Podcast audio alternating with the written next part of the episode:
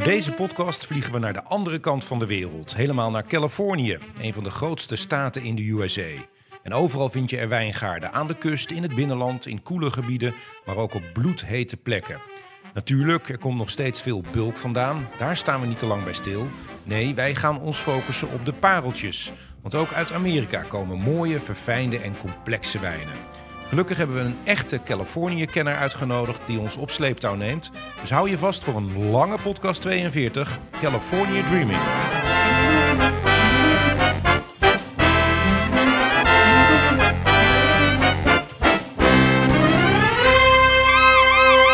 Dit is de Klare Wijn Podcast met Ernst-Jan Overduin en Antoine Peters. Daar zijn we weer, een nieuwe podcast, podcast eh, 42. Ernst-Jan, Ja, ja. hallo, welkom weer in de show. dankjewel. De hond zit op schoot, zie ik. Ja, dat wil hij altijd. Als Ja. er mensen zijn, wil hij op schoot liggen. ik weet nou, niet wat het is hoor. Toch, toch gezellig. Ja, ik vind het Hondje erbij, als hij maar, maar- zijn mond houdt. hè? Ja. Nou, blaffen doet ze niet zo. Nee, nee, nee. Dat is een scheet van hond.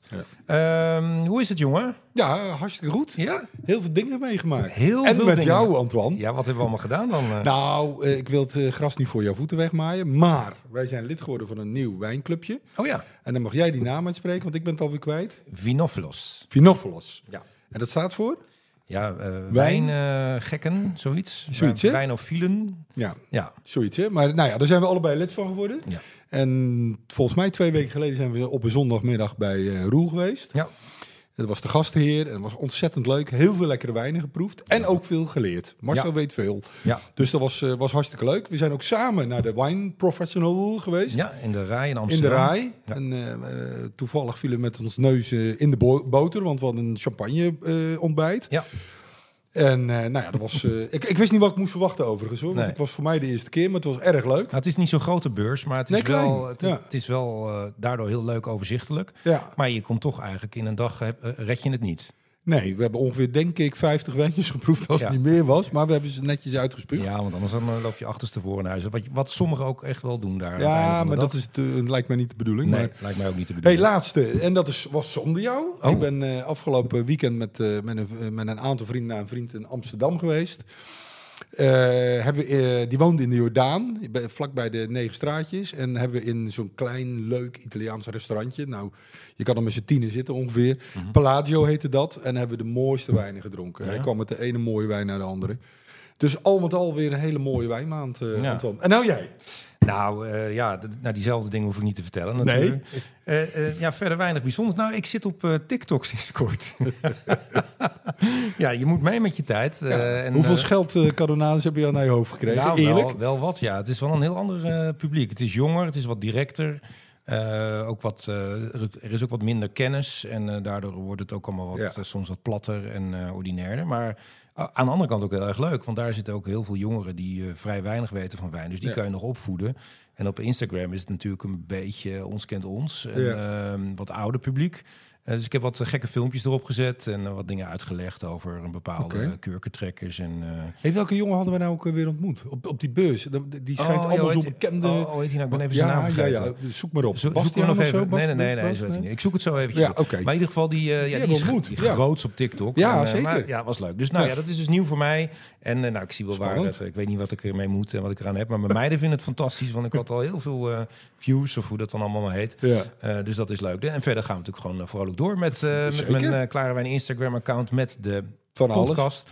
En, eh, ja, en, en dus met deze podcast, want we gaan het hebben over Californië. Californië. Californië Dreamin' hebben we hem genoemd. Ja, en ehm, ja, California Dreaming. Ehm, en we hebben een, eh, een gast, Ja, een dame. een dame. Nou, en dat, om daar al eens mee te beginnen. Ja, dat We vond ik zo leuk. Het is eigenlijk een, Echt waar. een grof schandaal dat we in heel Ja. 2023 niet één vrouw te gast hebben gehad. Ja. Maar ik moet dan toch wel ook een beetje kritisch zijn op, eh, op de vrouw. Want er zijn ook heel veel vrouwen die vraag je dan en die zeggen van nee, doe maar niet. eh, en dan schrijven ze toch weer een man naar voren. ja, dat is wel jammer. Ja, dus maar dat was niet het geval met Inge de Leeuwerk. Want Inge, welkom. Hi, dankjewel. Kijk, en gelijk zo'n mooie vrouwenstem. hè. Dat, Ja, is, dat al lang niet beter. gehad. Trouwens, Esra is er ook, jouw vrouw. Ja, dus ja, eh, dus eh, het is, eh, ja, dus het is- we zijn, we zijn er gelijk nu deze keer. Dus eh, heel leuk dat we nu eens een keer een vrouw hebben als gast. en niet voor niks, want Inge, eh, jij bent van Pallas Wijns in eh Waddingsveen. Ja. Onderdeel van Delta Wines, Ja. grote importeur. Ja, en jij, jij weet... nou niet alles van wijn, want dat mag je Nog nooit, nog niet. Altijd maar wat te leren. altijd wat te leren, maar wel veel. En een van jouw specialisaties is Californië. Ja, klopt. Ja, nou, we gaan daar zo uitgebreid over praten. Maar voordat we dat doen, Ernst, even iets Ja. serieus. Want ik wil toch nog wel even stilstaan bij het volgende. Bij een, ja, een treurig bericht dat wij onlangs ontvingen... en wat iedereen heeft ontvangen in de wijnwereld. En wat de wijnwereld toch ook wel heeft eh, geschokt. Zeker, zeker. En dat is het eh, overlijden van, eh, van Gert Krum op vrijdag eh, 19 januari. Een van de Nederlands ja, toch wel belangrijkste wijnjournalisten. Bekend van eh, twee meesterwerken. Ehm, Le, Le Domaine de la Romanée eh, Conti. En het eh, champagneboek Le Réveil des Terroirs. In meerdere landen uitgege- uitgegeven. Dat boek Ja. echt van die... Ook Van die bekroond volgens mij, Ja. met de meerdere prijzen en zo. Van die naslagwerken die je eigenlijk allemaal wel in huis moet hebben als, als wijnliefhebber. Eh, hij schreef nog veel meer boeken, artikelen, eh, maar was ook vooral bekend als eh, docent op de Wijnacademie. Inge, Inge, je hebt hem nog meegemaakt, hè? Ja, klopt. Ja. Ja, ik heb de Bourgogne les van, van hem gehad. En ja, mooie, mooie vent. Ja. Ehm, de hele zaal hing echt aan zijn lippen. heel veel grapjes er doorheen. Het was heel, heel fijn om een keer niet alleen maar heel serieus iemand voor de zaal te hebben. Maar ehm, ja, echt wel een, echt wel een gemis. Echt heel Ja, zonde. boeg, hij kon ook wel Ja. relativeren daar. Dus het was niet alleen maar serieus en streng. Nee. Hij kon het, Nee, nee goed. er kwam af en toe ook wel een grapje en ook best wel wat zelfspot eh er doorheen. En eh nou, na afloop nog even mogen spreken. En eh, ja, volgens mij wel een heel mooi, eh, heel mooi persoon. ja, hij, gaf, Ja. hij gaf ook proeverijen en, en presentaties, ook wijnreizen. Nou, als je een keer met hem bent geweest, dat schijnt ook allemaal eh, legendarisch eh, te zijn. En altijd over zijn geliefde Bourgogne en, eh, en champagne natuurlijk. Ja, en eh, ja, ik heb hem helaas zelf nooit mogen ontmoeten. Jij ook nee, niet? Nee, helaas niet. Nee. Uitgerekend deze maand had ik een afspraak staan met hem voor mijn Ja, andere voor die- voor de podcast, andere podcast, eh, ja. eh, Wijnzaken. Helaas heeft het niet zo mogen zijn. Wat ik nog wel mooi vond om te zien, is dat zelfs op zijn sterfbed kreeg hij nog allerlei eh, bijzondere eh, onderscheidingen vanuit de champagne. En dronk tot, ook, tot het laatste moment gewoon eh, champagne. Ja, dat is mooi. Dat is mooi, hè? Ja. Zo wil ik eigenlijk al, zo wil ik dan eigenlijk ook wel eindigen. Toch altijd met een mooi glas champagne. Over, over 50 jaar, Antoine. Dat hoop ik wel, ja, ja. Ja. Dus ja, ik denk dat wij straks gewoon eh, onze eerste glas eh, heffen... en dat we dan even moeten proosten op Gert. Hij is eh, 75 jaar geworden en wij wensen zijn naastbestaande heel veel sterkte in deze ja, tijd. zeker. Ja. Goed, ehm, ja, we vonden toch wel dat we even hier stil bij moesten staan. Zeker. Maar dan het onderwerp van vandaag. Ehm, ja, Californië. Ehm, ja, Ernst, e- Mhm. even een korte introductie. Ja. Nou ja, even eh, ook eh, ter nagedachtenis van, van Gert. Eh, wij gaan gewoon door met het vertellen van onze bijzondere verhalen uit de wondere wijnwereld. En volgens mij had hij dat als echte wijnliefhebber niet anders gewild. Dus wij gaan gewoon voort in zijn traditie. Ja. Dat wil ik ook even A, eh, gezegd hebben. Nou, we keren weer eens terug vandaag naar eh, de land of the free en the home of the brave. oftewel de Verenigde Staten van Amerika. Podcast nummer 17, Ja. Clear Wine Goes USA. Daar hebben we eigenlijk al in, in, ja, globaal wil ik niet zeggen, maar toch wel de hele VS behandeld. En vandaag wilden we uitsluitend en alleen stilstaan bij de Golden State, Californië. Ja. Eh, de staat is qua inwonersaantal de grootste van, de- van de Verenigde Staten. Het is de derde staat van, eh, qua omvang. Hè, want je hebt eerst Alaska en dan eh, Texas. Het is 1400 kilometer lang en 400 kilometer breed. Nou, die, die aantallen zeggen mij nooit wat. Nee. Dus ik heb het op zitten zoeken. En we zijn natuurlijk echt de Dordtenaar Antoine. Dus dat is van Dordrecht tot Madrid. Zo, ja. en van Dordrecht tot Hannover. Ja, en dan maak je daar zo'n rechthoek van. ja. En dat, dat, oh, dat is... De, Oh, je gaat, wel Engels, je gaat dan gelijk Engels Yes, praten. dat is eh, Californië. Ja, en het is niet geheel toevallig, Inge, dat jij daarom hier eh, zit. Want ik was eh, vorig jaar eh, op uitnodiging van jullie bij eh, Fred. Nooit vervelend om eh, uitgenodigd te worden bij Fred in Rotterdam. Nee. Ehm, want dat, dat ging over Californië. Toen heb ik jou daar voor het eerst ontmoet. En toen hebben wij gezegd van nou, hier moeten we een keer wat mee doen. Want wat daar werd geschonken en wat daar werd verteld, ik was gelijk weer helemaal, ja, helemaal weer enthousiast. Helemaal enthousiast. Hey, want. Inge, eh, st- ja, stel, stel je eens eventjes voor aan, de- aan de luisteraar. Oh jeetje. Ja, Nou, ja, ja, hallo. nou, nou, Dag, luisteraar. Hallo. ze zijn er echt hoor. Ze zijn er. Ze zijn er. Ehm, nou, ik, eh, ik ben eh buyer, ben eh, inkoper voor, voor Delta Wines. En Delta Wines is eigenlijk een beetje de overkoepeling van, van Pallas, DGS en, en Koenekoop. We zijn met een heel team. En we zijn eigenlijk verdeeld onder, of de landen zijn verdeeld onder ons, als het ware, met een paar specialismes nog. Ehm, ik heb communicatie gestudeerd en ik heb heel lang in de HR gezeten. Maar ehm, als je volgens mij bijna iedereen spreekt in de wijnwereld van hoe ben je erin gekomen? Ja, lang verhaal, maar ook lang verhaal kort. Totaal uit de hand gelopen hobby en Ja. eh, dan maar de overstap maken en eh, de wijn in. Ja. Ehm, Want hoe ben jij eh, in de wijn terechtgekomen, zeg maar? Nou, ik zat. ik heb gestudeerd in Australië. En daar heb ik Oh, anderhalve maand in, ehm, in de wijngaard gesnoeid in de winter. Dat was kouder dan ik had verwacht in Australië. en heb ik bij een heerlijk hippie-stel eh, eigenlijk eh, gewoond zes weken lang. En hij deed van die wijntours en zij deden celladors. Dus eigenlijk het verwelkomen van mensen en de wijnen inschenken. En elke avond kwam ik thuis en het was, nou, Passum. Ik weet niet waarom, maar mijn bijnaam was Passum. Ga zitten. Deze wijnen zijn open van vandaag. Zeg maar. En best wel een beetje bleu, ja, geen Ja. idee. Ja. En dan begin je met, ja, hij is rood. Hij is zwaarder dan, die rode. Ja. En eh nou, dat was een crash course in, eh, in wijn. Eh, Daar top- kan me iets voor voorstellen, ja. ja, was, was prachtig. In Ja. een hot tub in eh, echt on- ontzettende hippies. En Margaret River is een beetje het oude hippie Ja. eh, Ja, deel. ja, ja, dus dat, dat stukje heb ik ook wel een beetje in eh, Californië gevonden. Er zit Ja. ook een hele mooie oude hippie, eh, eh, Leuk. hippie Ja. stuk. Maar toen Ja, dacht je ook. van, ik moet hiermee doorgaan. Nou, toen ging ik heel braaf met mijn studie door en ook Ja. braaf daar wat mee doen Mhm. en werken. Ehm, toen ik terugkwam in, eh, in Nederland, eh, ben ik met mijn vader eh, wijncursus gaan doen. En was wel, oh, jij weet wat van wijn. Kom even wijn laten proeven. En oh, dat vinden mijn ouders ook leuk. En de vrienden van mijn ouders ook. Nou, dat rolde allemaal een beetje tot ik aanklopte bij een wijnhandel. Van, kan ik bij jullie echt leren wijnproeverijen geven? Ja. Ehm, en toen begon ik daar op een maandag te werken. En toen was het nou, goh, kom je erbij en neem je gewoon de zaak op een gegeven moment over. Eh, dus ik ben erbij gekomen, eh, ongelooflijk veel geleerd, eh, de finologen tijdens die tijd gedaan. En, ehm, maar toch wilde wel iets meer, iets meer verdieping. En ben toen op zoek gegaan en toen bij, uh, bij Delta Wines terechtgekomen. Ja. Leuk. En al vrij snel kreeg ik, ja, nee, ik ga het ook gewoon een beetje oneerbiedig zeggen. Dit, nee, dat gaan we gewoon doen. Ik kreeg een beetje een, een fotje, als het ware, van hé, hey, trouwens, dit is het Californië portfolio, maar ja, kijk Ja. maar. Dat, dat stelde Ja. niet zoveel voor. Het stelde niet heel veel voor. Nee. Nee, nee. En hoe komt dat, denk je? Ehm, ik denk dat er het idee was dat men er niet zo op zat te wachten. Want het was toch altijd maar de dikke, boterige, vette Chardonnays van Ja, Californië. ja, Ja. Die namen hebben blijven Of, de Mm. of de onderkant van de markt, eh, wat je in de supermarkt eh, krijgt. Nou ja, dat heeft natuurlijk heel lang in Nederland gestaan. En dan Ja. heb je je Barefoot en je Gallo en dat heeft uh, Ja. absoluut zijn functie. Ja. Ehm, maar ja, als je een, een goedkope wijn uit Languedoc hebt, dan schrijf je naar mijn idee ook niet Frankrijk af. Nee. Nee. Dus eh, nee, precies. Dus, maar goed, jij- dus jij kreeg dat fotje en daar stond op Californië. De rest lag allemaal dook onder tafel van eh, mij, eh, mij, mij niet bellen. mij niet bellen. maar, jij, maar, maar jij ging ermee aan de slag. Ja, ja, ik heb altijd wel een zwak gehad voor nieuwe wereldwijn. Ja. Ehm, ik vind het heel gaaf hoe die ja, innoveren. Ze zijn veel vrijer in wat ze Ja, mogen doen. Ehm, en ik ben zelf best wel gevoelig voor tannines. Eh, best wel gevoelig voor, voor zuren. Dus nieuwe, nieuwe wereldwijnen hebben dat minder. Hebben meer rondeur. Ja, daar word ik gewoon zelf gewoon gelukkiger van. Ja. En ehm Dat mag je ook hardop zeggen. Hè? jawel, hè? Ja, ja. Ja, ja. Ja. Beste luisteraars, ik hou van een dikke vette Chardonnay. Ja, nou, wij ook. Dat mag. Wij ook, zeker. Ja, ja. Nee, maar, maar leuk. Dus, eh, dus dat goed. Dus toen jij bent toen eh, gaan zoeken naar een, een nieuwe, betere, andere wijnhuis uit Californië. Ja. Specifiek Californië. Ja.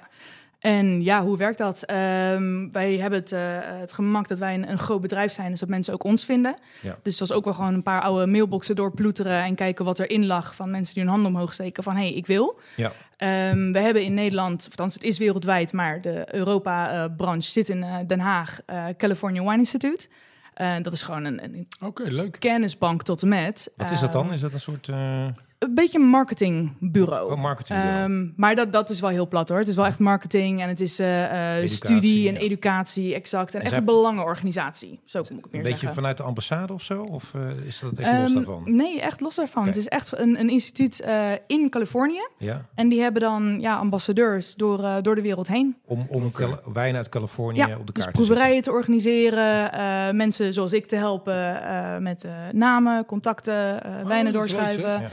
Ja. heel gaaf. Ja, want jij vertelde mij ook eh, bij Fred toen dat, dat je ook allerlei eh, specifieke cursussen nog aan het volgen bent. Al- Ja. Alleen maar als het gaat om Californië. Ja, klopt. Ook van hun. Ja. Ja, zij hebben twee jaar terug. En dat is ook eh, echt serious business, hè? Dat is ook Ja, dat is met, pittig. allemaal, met levels en zo. ook. Ja. Ja, vier levels. Ik heb nu net de derde afgerond. Ja. Met de vierde mag je een week naar Californië. Dus Oh, kijk. kom maar op. ja, precies. Ja. Ja. En ehm, nee, maar dat gaat heel ver. Dat gaat echt, eh, nou ja, tot en met elke EVA, de, de grondsoort, druif, eh, Ja. waar staat de wind, wat doet de berg. Ja. Dus, maar, dus, dus wij kunnen wel stellen dat we hier wel iemand aan tafel hebben die... eh, Ja, ja, goeroe. eh. Nou ja, maar in ieder geval heel veel, heel veel weet van, van, van Californië. Eh, die Inmiddels genoeg wel. weet van Californië, Ja. maar kan nog meer. En ben je er ook vaak geweest? Eh, ik ben er ook weer met dat eh, California Wine Institute. Ben ik eh, in november 22 hadden ze een wijnbeurs georganiseerd. Zie het als een soort van mini-pro-wijn, maar in Californië, zodat alle producenten daar niet ver hoefden te vliegen. Mhm. Ehm, en ze hadden 80 buyers over de hele wereld uitgenodigd. Van nou, kom maar langs. En twee dagen lang seminars en rondlopen en proeven. En dan ging je drie dagen ging je op pad. Dus ben ook- je mocht ook je, je EVA uitkiezen. Dus ik heb Oh, een voorkeur leuk zeg. gegeven en gekregen. Ja, Kijk. Eh, dus dat was heel erg gaaf. welke is ja. dat? Die gaan we vanavond proeven Dan natuurlijk. gaan we vanavond proeven, Dus zeker. maar me we nog zo eerst nog even- ja. uitleggen wat een EVA is. Maar Ja, maar dat komt allemaal zelf. Ergens, Nou, ben je wel eens in, eh, in Californië Nee, ik geweest? ben wel eens in Amerika geweest, maar eh, niet in Californië helaas. Ja, ja, ik Nee. ben wel in San Francisco geweest, maar nooit, helaas nooit de brug overgegaan om richting Napa. Nee. Ik zou Helaas gaan, niet. eh, maar toen eh, kwam het eh, corona. Ja, hoek toen heb je een boot gekocht, dus Toen daar hebben we het maar over. een boot gekocht. Ja, ja, dat is, wel- ja, dan kun je een boot verkopen van zo'n reis. Eh, maar goed, eh, nou, jij, jij laat ons vandaag eh, verder kennis maken met Ja. eh, Californië. Ons enthousiast maken als het goed is. We gaan er dieper op in. Specialistischer dan die eerste podcast, want het ging... Hè, eh, die, Ja, vooral wat meer heel Amerika algemeen. breed, ja, maar nu ja, echt ja. de focus alleen op Californië. Ehm, en, heel leuk, we hebben sinds lange tijd ook weer een eh, podcastpakket. Ja, vind ik wel leuk. Ja, Ontspannen. hè, het werd weer eens tijd. Zes, zes mooie wijnen die we ook eh, gaan proeven. Wij proeven er trouwens nog wat meer. Hè? Tuurlijk. Ja, tuurlijk. Want we hebben Ja, nog wat eh, extra snoepjes zitten tussen staan. Ik kon geen keus maken. Nee. maar die, die zes wijnen die zijn door jou zorgvuldig samengesteld. eh, divers. Ja. Maar ook naast elkaar te proeven, geloof ik, eh, eh, drie Chardonnays, twee Pinot Noirs en één Cabernet. Cabernet. Ja. Dat Dus dat is een natuurlijk wel- mooi, mooi rijtje hoor. Een mooi rijtje. Ja. Eh, ja, waar we het ook straks nog over moeten hebben, wijnen en zeker de kwaliteitswijnen uit Californië, die zitten wat hoger in de, in de prijs. Maar ik vind dat, hebben we vorige keer al eh, gemerkt, ik vind dat je het er echt uh, aan afproeft. Ja, Het is zeker. echt, echt allemaal top. Ja. Dus het is een wat Ja, ja, duurder ja. pakket, maar eh, deze zes mooie wijnen zitten in een pakket. Eh, kost normaal 154,30 euro. Maar nu met eh, een eh, speciale kortingscode kom je uit op 139 euro voor zes klasse wijn uit Californië. Die je ook eigenlijk niet zo snel eh, tegenkomt. Dus het is echt een mooie kennismaking met, eh, met Californië. Eh, te bestellen via onze site klarewijnpodcast.nl. Dan word je doorgelinkt naar Grand Cru wijn. Dat is een van jullie eh, klanten. hè? Ja, klopt. Eh, komt toevallig ook uit Dordrecht, dus we kennen ze goed, hartstikke leuk. En als je dan de code klare streepje in het middenstreepje USA eh, intikt, dan, eh, dan krijg je die korting. Die korting is twee weken geldig, dus, dus tot ongeveer half eh, februari is dat. Nou ja, we zetten alle links op de website. Je kan trouwens, je kan de complete box bestellen, dat is natuurlijk het leukst. Ja. Maar je kan ook de wijnen nog individueel aanvinken met diezelfde 10% korting. Dus ja, leuk om de afloop te proeven of nu even de podcast op pauze te zetten en dan morgen door te gaan als je je wijnen binnen hebt. Maar goed, dat moet je lekker zelf maar uitzoeken. Oké, nou dan hebben we dat allemaal gehad, administratie. Eh, Ernst heeft, zoals we hem kennen, weer eh, alles uitstekend Ernst voorbereid. Het was weer een, eh, ja, jij, jij schrok ervan, hè? Van het, eh, zeg, kan je me ik- wat doorsturen? Dat, Ik denk, 18 petje af, die pagina's, eh, eh. is hier maanden mee bezig geweest. ja, Dus ja, echt, ja, eh, ja, Ernst is Ik krijg altijd maar een maand van. Dat is de deadline. Eh, maar goed, het, eh, Inge, het is eh, aan jou en ik vind het altijd leuk om het, eh, om het aan te vullen. Waar nodig te verbeteren. Want dat kan ook. Hè. Misschien is dat eh, de informatie een beetje achterhaald. Dat komt nog wel eens voor. Eh, maar dan, eh, dan moet je dat eh, vooral doen. Dus nou, Ernst, ik zou zeggen, de floor is eh, yours. Dus, ja, nou, daar gaan we. ja. We gaan eens even kijken naar Californië, de, de omgeving. En hoe ziet het er nou uit? Nou, het la- landschap is extreem divers. Ehm, om even de uiterste te schetsen. Het herbergt Death Valley. Hè? Dat Ja. is bekend. Dat is een van de heetste, droogste en laagst gelegen plekken ter wereld. Temperatuur kan, eh, ooit op, is ooit opgelopen tot 54 graden Celsius. Dat is best hoog. Gemiddeld valt er maar 5,5 eh, eh, centimeter regen per jaar. In Nederland is dat 85, eh, ongeveer 85 centimeter. En je hebt daar een eh, Badwater Basin. En dat is 84 meter onder het zeeniveau. Daar hebben ze ook een wedstrijd, hè? een trail van 100 zoveel kilometer. Bijna niemand haalt het. En Nee. op het eind moet je nog een berg op. Maar goed. dus dat is, dat is, dat, dat is eh, extreem. Maar aan de andere kant heb je ook bergen. Waarvan bijvoorbeeld Mount Whitney eh, er een is. Dat is eh, in Sierra Nevada. En die heeft een top van vier, ruim 4400 meter. Is bedekt met eeuwige sneeuw. En hier kan de temperatuur dalen tot min 25. Dus dan heb je al een verschil van bijna 80 graden. Ja, dus je Ongelooflijk. alles. Het is ongelooflijk divers. Het, heeft het, het klimaat varieert van maritiem tot eh, subtropisch. En het hele leuke vind ik ook, je hebt ontzettend veel meso- en microklimaten. Dat kan echt per wijngaard eh, verschillen. Daarnaast, Want daar weet je alles van. Inge, hoe, hoe, Ja. kijk, hoe kijk jij naar, naar de staat Californië als, als, als staat?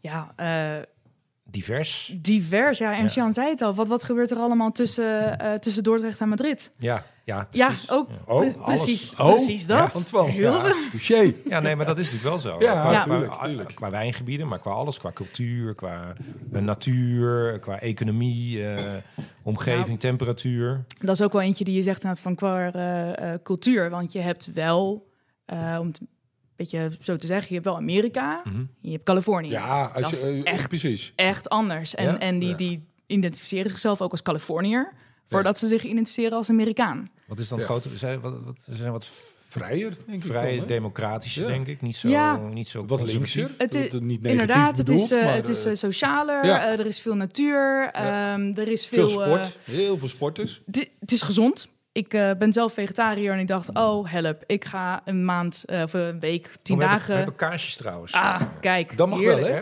Ja, kaas is is top. life. Hè? Maar, maar veel, veel eh, gezond eten, vegetariërs.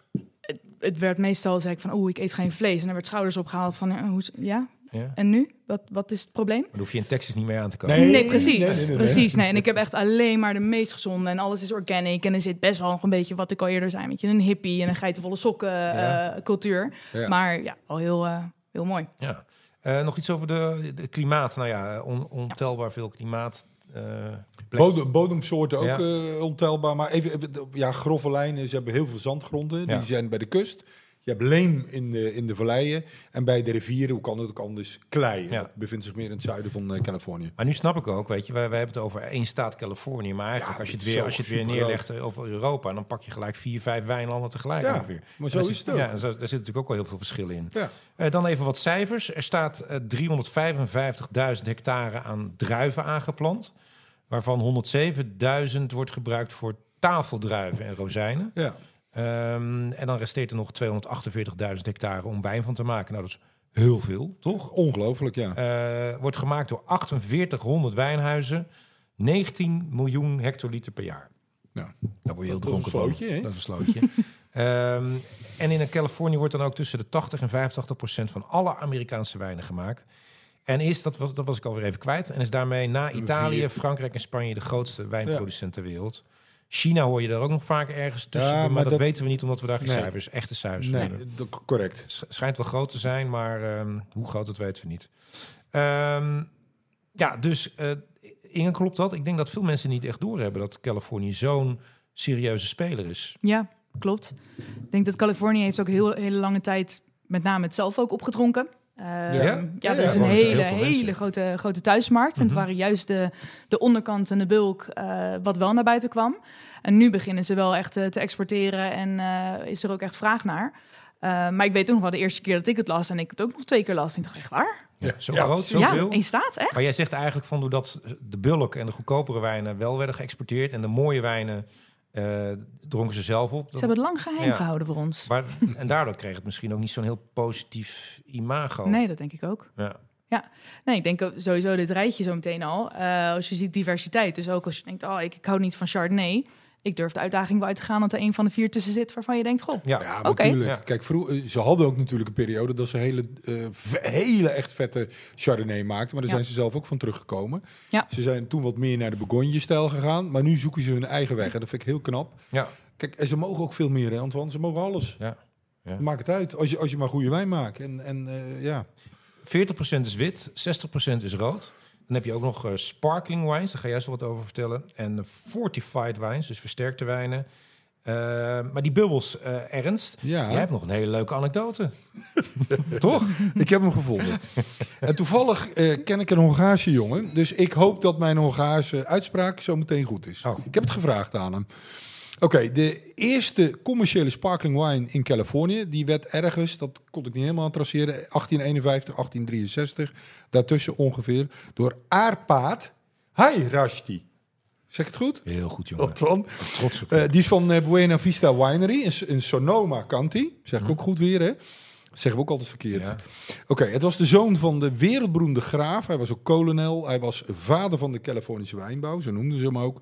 Hij was, de, vond ik heel leuk, de eerste sheriff van San Diego. Ja, Die man kon echt alles. En het was Akoston H. Ja, ja. ja, ja. Nou ja, goed. In, hoe het ook zij, in 1882 eh, volgde Corbel Champagne Cellars. Die Ja. zit ook in Sonoma eh. Canti. En dat was van de gebroeders Corbel. Nou, maar meer dan een handvol eh, sparkling winemakers had je in die tijd niet. Nee. Ehm, en de doorbraak kwam eigenlijk pas in de jaren 70, 80 van de vorige eeuw. Want toen gingen Franse champagnehuizen, die gingen hun markt over de grens eh, eh, uitbreiden. En die wilden in de koele gebieden van Californië wijngaarden aanleggen om mousserende wijn te gaan maken. Dat Oh. heeft alles te maken met de Jasmine of Paris, komen we straks op terug. straks. Maar dat Maar waren goed. echt de grote jongens, of Ja, er waren Muette Chandon, eh, Louis Reuderer, ik weet niet hoe het uitspreekt, Mum of Moem Ja. of Mum. Mum. Piper Heidsieck, Tettinger. Nou ja, dat zijn ehm, eh, toch wel aardige. Kijk, kijk. Wat, is, wat, wat, eh, wat wat, heb jij nou mee aan, Inge? Kleine momentum meegenomen. Oh, Ik ben ook bij de Buena Vista Winery geweest. Ah, lachen zeg, hé. En dat is wel een beetje het, eh, het Disneyland gehalte wat je af en toe ziet in, eh, Zeker, ja. in eh, Napa. Dus ik, Ik heb een hele mooie sheriff, sheriff's eh, badge. Ja, dat is van die Ja, Akaston precies. natuurlijk. Ja. Akaston, Ja. sorry. heb, jij, heb jij bij elk faaltje van, eh van Ernst heb je een leuke... eh, leuke Een hele tas met spullen mee. Gadget. Nee. Ja, gadgets, Gadgets. Leuke, leuke souvenirtjes. hey, maar dat is wel lachen. Ja. Oh, mooi hè? Ja, Ja, de eerste... Nou ja, goed. Heel erg leuk. Maar jij was, jij was bij de champagne, dus al, Ja, die, al, ja. die, al die Franse champagnehuizen die gingen dus naar Californië. Juist. En eh, nou ja, dat vol, eh, goed voorbeeld doet eh, goed volgen. Dus er volgden wel veel Californische wijnhuizen. Mhm. Inmiddels, anno 2024, zijn er zo'n 300 eh, die bubbels maakten. En ze hebben dus een enorme groei doorgemaakt sinds eh, 1860, zeg maar. Inge, ken, jij die mousserende wijnen uit Californië? Ja. ja. Veel geproefd daar? Eh, niet, aantal. niet heel veel, wel een, wel een aantal. Mhm. Ehm, en inderdaad, Reuderen die zit, er, eh, Ja. die zit er nog. En ook veel wijnhuizen beginnen nu voor het eerst een sparkling erbij te maken. Ja. Ja, dat is bijvoorbeeld een van de Mhm. wijnhuizen waar wij zo meteen een cabernet van eh, gaan doen. Die hebben dan eigenlijk sinds een paar jaar voor het eerst sparkling. Dus Wa- Wat vind je van die, van die eh mousserende wijnen uit Californië? Zelfde kwaliteit als uit Frankrijk? Of, Oh ja hoor. Ja, ja. kan je echt wel vergelijken. ja, zeker. Wordt ook op dezelfde manier gemaakt. Ja. Hè? De methode traditioneel. Dat is met name wat je ziet. Ja. En ja, dat is het. Als je gewoon goed je wijn maakt, dan... eh, Ja, dan maak je Ja. Ja. Dan komt het wel goed. Dat komt Hey, goed. en, eh, ehm, maar wel moeilijk te verkrijgen hè, in eh, die, die, die mousserende Amerikaanse wijn. Althans, ik zie ze hier nooit. nee, klopt. Nee. Nou, Nou, die, die houden ze ook lekker zelf. Waarschijnlijk. drinken ze ook lekker op. ja. Eh, Ernst. ja. We gaan weer even verder, want ja, Ja, allemaal mooie... hebben nog niet Ja, anekdote heb ik nu, hè, want het groeicijfer Oh. was eh, prima. Het heeft een lange weg. Eh, lange weg, maar dat doe ik altijd. Hè. Ik doe er lang over. Maar nu komt het, Antoine. Ongeveer 75% van alle sparkling wines wordt Californië champagne genoemd. Champagne. Maakt niet uit of het eh, vi- via welke productiemethode. Want ze gebruiken inderdaad vaak de methode traditioneel. Maar ze gebruiken ook wel cuve, close en zo. Ja. En, eh, dus eh, tankmethode, Ja. zeg maar. Die gebruiken ze ook wel. Maar Ernst is toch verboden? Dat mag toch helemaal niet? Nee. is er zelfs nog iets, wat was het, in 2006 of zo? Nog Ja. een, een handelsovereenkomst gesloten met de Europese Unie. dat champagne niet meer op het etiket mag staan. ja, dat klopt. Dat is heel scherp, Antoine. Goed, hè? Goed opgewerkt. Ja, wist- Nou, de Amerikanen, maar die Amerikanen zouden die Amerikanen niet zijn, want die hebben natuurlijk een hele batterij aan advocaten die Ja. ongeveer vijf ton per jaar eh, verdienen. Die hadden de tekst juridisch zo slim in elkaar getimmerd eh, dat eh, de spelregels die ze hebben afgesproken, daar konden ze een beetje omheen buigen. Want wat gebeurde er? Die overeenkomst was gesloten op 10 maart 2006. Maar bestaande wijnhuizen, dat hadden ze in een eh, sub A lid 4 eh, 2b, hadden ze neergezet. Die konden als ze al voor die tijd, voor die datum van 10 maart 2006, California champagne maakten, dan mochten ze dat blijven doen, volgens de bilaterale overeenkomst. Ja. Dus wat deden ze? Ja, dan gingen ze gewoon door met de wijn maken. Champagne. De champagne. Dus je en kan daar in waren- Amerika gewoon mousserende Ja, wijn zeker. kopen champagne. zo. ja, ja, en die Fransen waren natuurlijk niet zo blij mee, Nee, ze want zag die, die proberen dat overal ter wereld tegen te houden. Maar in. Amerika lukt het dus niet. Nee. Oké, nou. Dus, zo. eh, dat dan. ja, precies. Weten we dat dan ook weer. Eh, even kijken. Dan de wijngaarden. Moeten we het daarover hebben? Ja, natuurlijk. Ja. Eh, Inge, misschien jij eens even globaal. Pro- Probeer eens te omschrijven hoe eh, die in Californië zijn gesitueerd. Liggen ze aan de, aan de kust of liggen ze meer landinwaarts? Liggen ze hoog, laag? Voordat we al die gebiedjes eh, apart gaan bespreken, maar eerst even globaal. Het meeste ligt wel landinwaarts. Eh er zijn best wel veel eh, bergen die, het, die ze beschermen vanaf de kust. Ehm, veel in valleien en op, eh, ehm, op de bergen. Dus als je kijkt naar Napa, dan hebben ze echt over valley AVA's en mountain AVA's. Dus echt verdeeld over eh, Oh ja. nou ja, grond en hoe verder, eh, Mhm. eh, eh, hoe hoger. Ja. Ehm, Anderson Valley die zit weer wat dichter bij, eh dus is Mendocino. Dat is bijvoorbeeld maar 16 kilometer van de kust. Eh, Napa Valley zit al op eh, eh, 50 plus kilometer van de kust. Ehm, en ook als je naar beneden gaat, naar Monterey, dan zie je echt wel kust, berg en daarna wijngaarden. Ja, Ja. Dat, zo moet je het een beetje zien. Ja. Maar, die, maar die oceanen, eh Ernst, die, Mhm. die heeft overal, of het nou landinwaarts ligt of op een berg of in een dal, overal wel zijn invloeden. Ja. En dat Ja. komt door de, de, de, nou ja, die- dat is die een- stromen, toch? Ja, dat, dat heeft te maken met... Je hebt natuurlijk daar de grote of stille oceaan. Mhm. Die, is en- die is enorm koud. En dat heet de zogenaamde Alaska-stroom. Die stroomt ook vanuit Alaska zo naar beneden. Ja, dat kan ik me nog herinneren van mijn bezoek aan San Francisco. Dan denk je van, ja, dan denk je van, oh, eh, heerlijk eh, warm. Maar Ja. iedereen loopt dan met ook zomers met een jasje aan. Want het, Ik ben hier eh, letterlijk en figuurlijk de mist in meegegaan. Ja, ja, want ik ben mist, letterlijk en figuurlijk. Want Ja. ik ben begin november ging ik naar Californië. En ik checkte het weerbericht. En ik zag, nou, 18 graden, 19 graden, 20 graden. Ik denk, nou lekker, neem een paar laagjes mee, klein jasje en dan komt het goed. Maar wat wij in Nederland hebben, dat als het 20, 19 graden is, dan is dat al een beetje vanaf een uur of 10.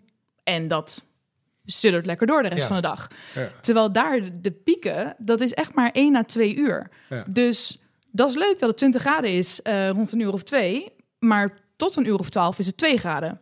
Dus ik ben wel naar de plaatselijke target Ja, ja, ja. gegaan voor wat extra Oh, kleding. jeetje, zeg. En dat komt echt door, die, gewoon door de wind. Ja, Ja, door die stroming. ja die stroming. Ja. Die, die brengt zoveel koude lucht. En dat komt natuurlijk... eh, dat vermengt zich natuurlijk met de warme lucht uit het Ja, binnenland. maar dat is natuurlijk precies wat we willen hebben voor de druifjes. Ja, ja, zeker. Ja, ja, ja, maar daar komen we zo op terug. Eh even Ernst, eh, de temperaturen, eh, de- de- de- hoe zit het daarmee? Eh, nou ja, dat, dat is ook zo extreem divers. Maar je hebt, wat, wat er gebeurt is, aan de kust is het vrij koud. In het binnenland is het natuurlijk vrij warm. Ja. Hè? En die, die luchtstromen die ontmoeten elkaar zeg maar, boven de zee. Ehm, en daardoor ontstaat er ook een dikke mist. Ja. Hè, je had het er al over, boven, nou ja, boven het, net binnen het binnenland. Ja, vertel eens, hoe zit het met die mist? Met die, die, die waar ontstaat die? De- In, in de, Ja, de, de mist wordt eigenlijk eh, door de hele grote verschillen tussen dag en nacht. Mhm. eh, en dus inderdaad de warme stromen op het land, wordt de mist vanaf de zee als het ware naar binnen gezogen. Dus je ziet dan s'nachts rolt die hele mist naar binnen. En dan gedurende de ochtend rolt hij weer weg. Maar dat is dan wel echt in, de, eh, in het groeiseizoen. Dus echt in de zomer als die verschillen zo, eh, zo groot zijn. Ehm, en dat zie je ook in Mendocino, waar de bergen iets meer horizontaal eh, liggen. Waar het dan ook weer naar, naar binnen wordt gezogen. Ehm, dus ja, dat Dan heb je gewoon elke dag mist. met Ja. het warme weer wel. Ja. Ja. En in de En dan- winter minder. In de eh. winter minder, want dan is dat verschil minder groot. Ja, ja, precies. Eh, maar het was nog steeds erg koud. En ook die, En ook kan het niet genoeg herhalen. en ook die mist, dat is, eh, dat is ook eh, van invloed op, eh, op de druiven. Ja, absoluut. Ja. Ja, ze worden daarmee eigenlijk eh, ehm, worden ze langer eh, koel gehouden, hou- houden ze de zuren beter. Dus dan voorkom je dat je dus die hele dikke, vette wijnen krijgt. ja. Maar meer elegantie. Ja. Oké, eh, nog verder iets over die, die temperatuur? Of, eh? Nee, Nee. nee, nee. Nou, dan gaan we het nu even nee. kort de druiven rassen. En dan stel ik voor dat we Ja, naar de eerste wijn gaan. want dat glas dat, dat staat me aan te staren. Dan heb ik jou daar. Eh, in Californië staan meer dan 100 verschillende druivenrassen aangeplant. Dat is heel veel. Ja. De belangrijkste witte druiven zijn Chardonnay, waar we dus ook een paar van gaan proeven. Chenin Blanc, Sauvignon Blanc. Hey, dat? Ja, ja, ja, ja, ja, ja. Goed zo. Sauvignon. Colombaar, Riesling. Die, heb ik ook eens, eh, die zie je ook nog wel eens. Pinot, Washington met name. Ja, oh ja. Pinot Gris, maar dus ook in Californië. Ja, Californië ook. Ehm, dus dat zijn de belangrijkste witte. Eh, de rode doen we straks. Want ik stel voor dat we maar met de eerste gaan beginnen. Eh, want Inge, je hebt een hoop eh, wijnen meegenomen. Ja. Kostbare wijnen, maar ook wijnen waar je van zegt van nou, dat is eigenlijk allemaal nog best te doen. Waar Ja, gaan we mee beginnen? Wij gaan beginnen met een eh, wij- eh, wijn van eh Shide Family, eh, genaamd District 7. Ehm Shide Family zijn 50 jaar geleden begonnen en ehm, die waren eigenlijk alleen maar druiventelers en die verkochten het. Oh ja, dat gebeurt ook veel, ja. Dat gebeurt heel veel en dat is denk ik ook een eh, misvatting naar Californië toe. Dat in Europa, als je druiven aankoopt, dan wordt er vaak naar gekeken van, oh, maar is dat dan heel kwaliteit? En zit je dan wel eh, bovenop je wijn als het ware? En in Californië is het heel normaal, want je hebt je master in wijn maken en je hebt je master in eh, het beheren van de wijngaard. Want waarom zou je twee dingen perfect kunnen? Oh. Dus die deling is heel standaard. Ehm, en het aankopen is ook heel normaal. En het gaat vaak met, eh, dat kopen ze niet her en der aan met waar het goedkoop is of wanneer het uitkomt. Maar het zijn echt contracten die al generaties lang lopen met dezelfde familie. Dus ze weten Leuk, ja. heel goed waar die druiven vandaan komen en hebben ook heel veel zeggenschap in wat er gebeurt. Ja, dus het zegt niks over, ehm, het zegt niks over ehm, eh, als je er aankoopt dat het allemaal maar eh, goedkoop, eh Nee, absoluut niet. Nee. Nee. Maar in dit hoogstaand. kwalitatief hoogstaand, zeker. In dit geval is Shite in eh, 2005 eh, begonnen met wel zelf wijn maken. Dus hebben ze een groot, groot team opgestart. En dit is eh, een beetje hun mid-tier. Ze maken ook vrij hoge wijnen. Ze maken wat eh, goedkopere wijnen. En deze is, eh, zal ik de consumentenprijs Ja, bij hoor. noemen? Ja. Meteen voor handig. Deze zit rond de 16, 17 euro. Ja. Komt uit Monterey. Mooi. Monterey. Monterey. Dus we zitten nu ten zuiden van San Francisco. Ja. Ehm, We gaan straks al die gebieden nog even apart Top. langs. Dan komen we er eventjes op terug. Zouden nog even proosten Ja, op, dat op Gert. op Gert. Proost. Proost. En dit is, ehm, nou ja, ja. toch ehm, best al eh, boterig, maar nog bescheiden. Toch? Nog bescheiden. Ja. Ik vind Zeg het ik wel zo een, goed? een typische Chardonnay. En hij heeft ook wel, eh, wel de Bourgogne-stijl, vind ik hoor. Ik vind hem echt heel mooi. Ja, Bourgogne-stijl. Dus, dus, dus Ja. dit heeft het wel, maar niet het, eh, een beetje, beetje Zuid-Bourgogne misschien zo. Ehm, gaan we Ja, iets, iets, iets dikker, iets, Iets meer zon. Ja.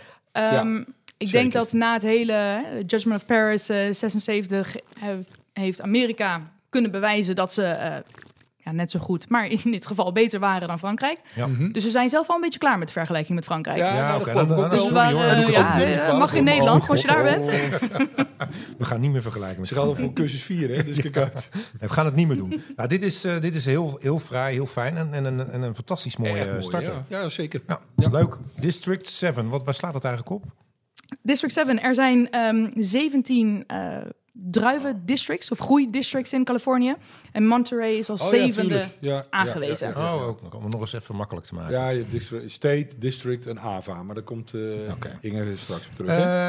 Eh, Oké, nou, deze laten we nog even lekker zitten in het glas. Maar jij gaat even vertellen welke rode ja, de blauwe, druiven. Ja, blauw. blauwe druiven. Cabernet Sauvignon. Ja, Pinot Noir, Zinfandel, Merlot en Syrah. Er zijn natuurlijk veel meer, maar dit zijn wel, eh, wel de belangrijkste. Ja. Chardonnay is nog steeds in 2024 de meest aangeplante druif. Maar die wordt op de voet gevolgd door Cabernet Sauvignon. Die haalt hem redelijk in. ja. Ehm, de blauwe druiven nemen dan ook een steeds groter aandeel in van, eh, van de totale wijnproductie. Eh, waarvan die van Cabernet Sauvignon neemt toe, Pinot Noir neemt toe. eh, en Merlot die zakt juist weg. Oh. En daar heb ik een leuk verhaal over. Ja, Anton. ik, eh, ja, dat, ja, ja. dat heb ik al gelezen en het is zeker echt een heel leuk verhaal. Ja, vind ik vind wel. en ik, ik heb die film ook weer gezien. Want die, ik heb hem natuurlijk laten downloaden, want het is weer nergens te krijgen. Maar ik weet niet hoe ze het doen. Maar voor mij gaan ze dat downloaden. Oh, illegaal, illegaal. Illegaal. Echt? En dat- ja, Oh. en ik spreek nu over een wijnfilm, 2004, Ja. met de titel Sideways. Inge, ken jij die film? Hij ligt als dvd'tje bij mij thuis. Kijk, oh, jij hebt Ik hem heb wel. hem nog. Jij hebt- zij heeft hem legaal op een Heel DVD staan. Nou, het is echt fantastisch. Het gaat over twee vrienden, Antoine, Miles en Jack. En die gaan een trip maken in de wijngaarden van Central Coast, Californië. Nou, in de film die, heb je, die spreekt ene Miles. En dat is gespeeld door een van mijn favoriete acteurs, moet ik wel zeggen, Paul Giamatti. Als je hem niet kent, opzoeken. Alleen maar bekend om hele goede inhoudelijke film. Nou, vol passie spreekt hij over en liefde over Pinot Noir door heel de film. Maar hij doet heel neerbuigend over Merlot. Oh, Dat is een wereldberoemd zinnetje. dat is een man naar hij- hart. Ja, ja, hij zegt op een gegeven moment, want dan staan ze buiten bij een restaurant. En dan hebben ze eindelijk twee vrouwen ontmoet. En die vrou- twee vrouwen zitten in het restaurant te wachten op hen. Ja. En hij, die, die Miles, die wil helemaal niks. Die is, die is twee jaar geleden gescheiden. Die is heel verdrietig, et cetera. En die wil helemaal niet met een vrouw eh, aan tafel zitten. Maar die andere probeert hem over te halen en dat lukt. En dan zeggen joh, we gaan wijn drinken vanavond. En dan zegt hij op een gegeven moment... If anyone orders Merlot, I'm leaving. I'm not drinking any fucking Merlot. en zo zegt hij dat ook. Ja. Ja, dat vind ik echt fantastisch. Maar die one-liner die had on, onbedoeld een, een, een enorme impact op de wijnindustrie. Ja. Want wat gebeurde er na het uitbrengen van die film? De verkoop van de Merlot die daalde in het westen van, van Amerika maar 2%. Dat valt nog mee. Maar het Pinot Noir, de verkoop is tegen met 16%. Oh. Nou, de jaren daarna werd het allemaal niet veel beter. De productie van Merlot, dat bleef redelijk op peil. Maar andere druiven, zoals ik al zei, Pinot Noir en Cabernet Sauvignon, de steeg de vraag, ja, nam enorm toe. Ja. Dus om een idee te geven, in eh, het aandeel Merlot in de totale wijnproductie, dat was 13,5 in 2008. En die zakte naar 9,2 in 2020. Ja, maar heel veel mensen denken dat dat echt komt door die, door die film. Maar eh, ja, is dat wel zo? Want Merlot is natuurlijk ook, is ook niet zo al te best, toch? Toen niet. Nee. Ik durf het nu niet te zeggen, maar dat kunnen we aan Inge vragen. Ja, Inge, heb jij, eh, vind je het ook een leuke film? Ja? Ik, ik vind het een heerlijke film. En Ja. wat ik ook een, eh, eh, een hele goede grap vind, is hij is inderdaad heel erg neerbuigend over Merlot. Mhm. En eh, wan- de andere scène, wanneer ze echt daadwerkelijk naar een winery gaan, ehm is hij heel ook behoorlijk negatief over de Cabernet Franc. Want Oh. dat heeft ook allemaal maar geen, geen body en is maar flabby, noemt hij het volgens mij. En vervolgens, waar eindigt de film mee, zit hij een eh, Cheval Blanc te drinken. Ja, is echt voor Merlot en Cabernet Franc gemaakt.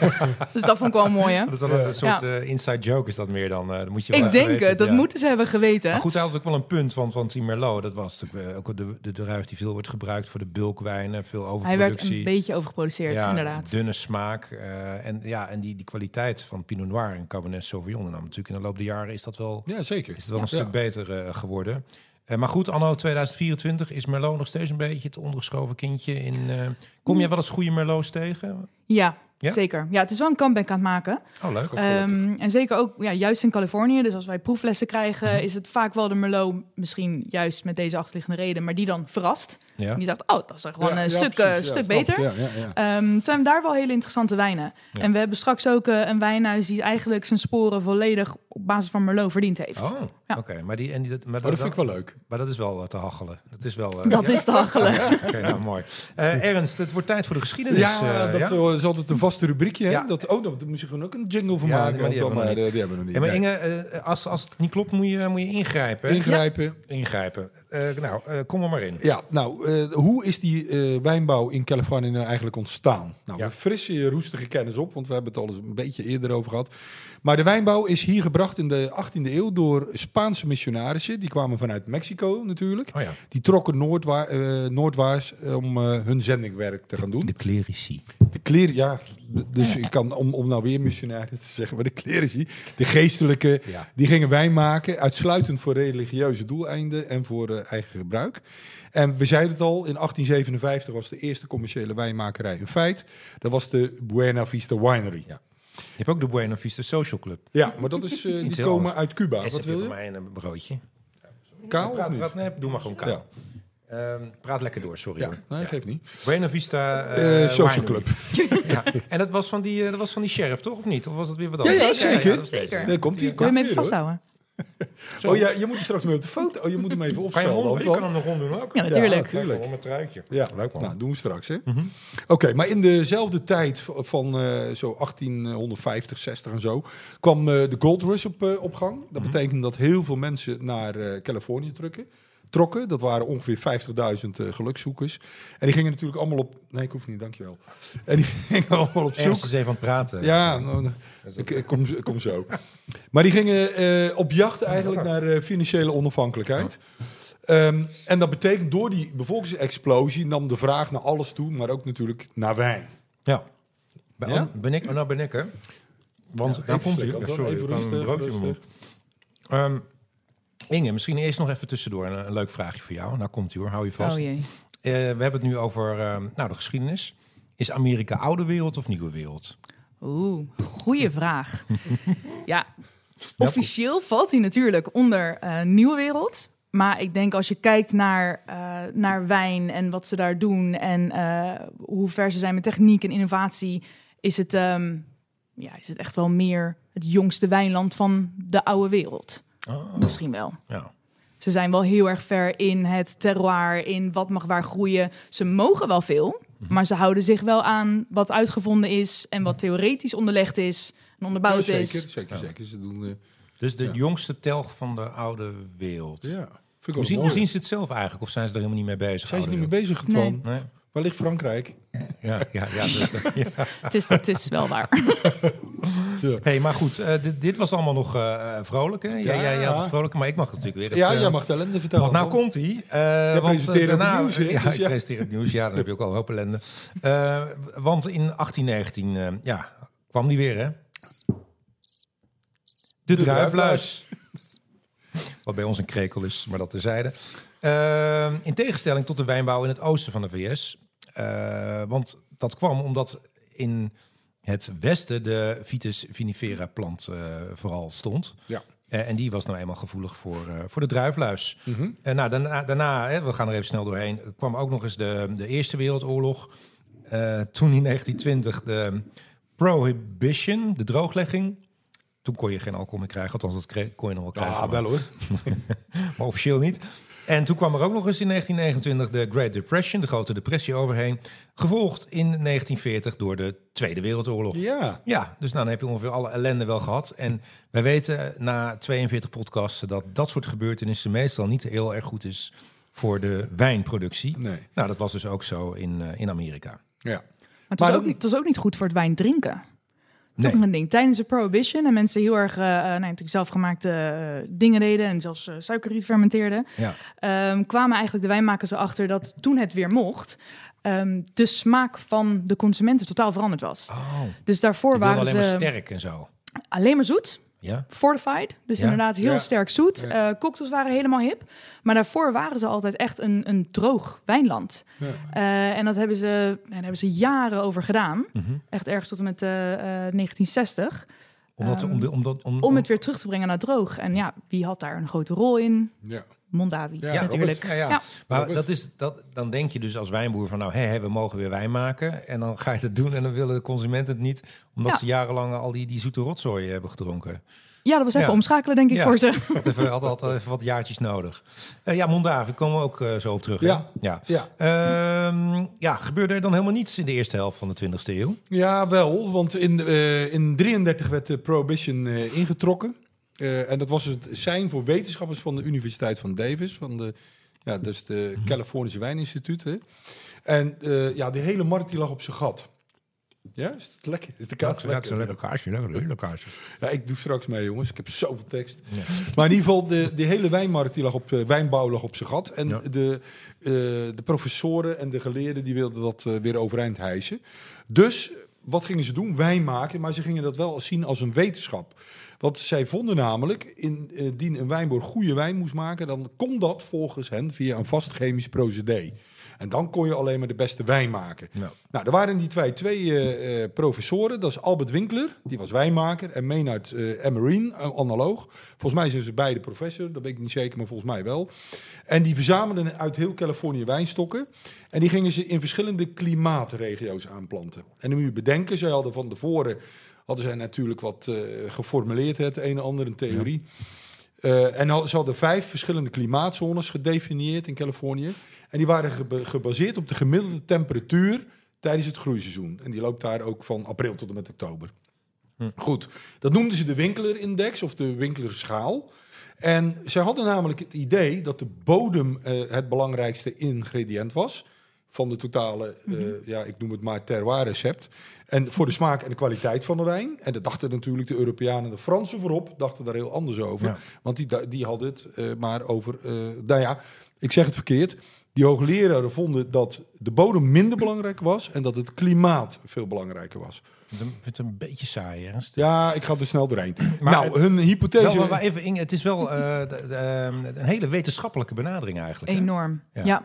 Is, dat, is dat ook waar, waar Amerikanen eh, onbekend staan? Dat, eh, Nou, onbekend staan denk ik dus juist niet. Nee, maar ze doen Eh, het maar wat je wel echt heel erg terug ziet. Ik heb een eh, heel leuk gesprek gehad met, ehm, met een wijnmaakster... wat daar wordt gezien als een boutique winery Ja. in, eh, in Napa Valley. En eh, het, was een, het was een videocall. Dus ik zag achter haar had zij een eh, heel groot eh, allemaal, allemaal toestanden hangen. En het was echt allemaal minuscule foto's van bodem, van beestjes. Van, eh, het was allemaal heel, heel technisch. En zij vertelde eh, nou, alle technieken die ze gebruikte, de, de drones die ze elke dag inzetten om het weer in de gaten te houden, hoe vaak ze monsters meten en dergelijke. Dat ik op een gegeven moment haar ook vroeg van... Is het joh, leuk? nou ja, wat, wat kan jij nog met je onderbuikgevoel? Ja. Doe jij daar nog wat mee? Ehm, en zij zeiden, ja, maar eigenlijk dit doen we al zo verschrikkelijk lang... dat, dat de technologie en onderbuikgevoel, dat is één geworden. Want we weten dat, het hierdoor, dat we het hiermee goed doen. Ja. En ik was daar heel verbaasd over. Want als je het hier hebt in eh, Europa over een boutique winery... ja, dan hebben ze niet eh, die laboratoria van een paar Nee. eh, tonnen, denk ik. Ja. Ja. En dat zie, je eigenlijk, dat zie je in heel Californië. dat zie je veel, ja. ja. Ook al, al, en al heel vroeg dus. Dus ze zijn er inderdaad allemaal mee opgegroeid. Ook generatie op generatie om het op die manier Ja. te doen. Ja, zeker. Maar wa- is er nog romantiek of niet? Ja, ik, zij, zij, zij vond van wel. Ja, ze vond mijn vraag een beetje gek. Nou ja, de, de romantiek zit misschien in het glas uiteindelijk. Ik denk het ja, En, want, eh, want dat is het wel. En het is het, ze maken ook wijnen om inderdaad bij te eten. En daarom dat wij ze misschien vrij, vrij groot vinden en vrij vol vinden. Maar ja, over het algemeen is het Amerikaanse eten natuurlijk ook vrij groot en, Ja, en vol En, en ja. kan elkaar goed, eh, goed hebben. Ja.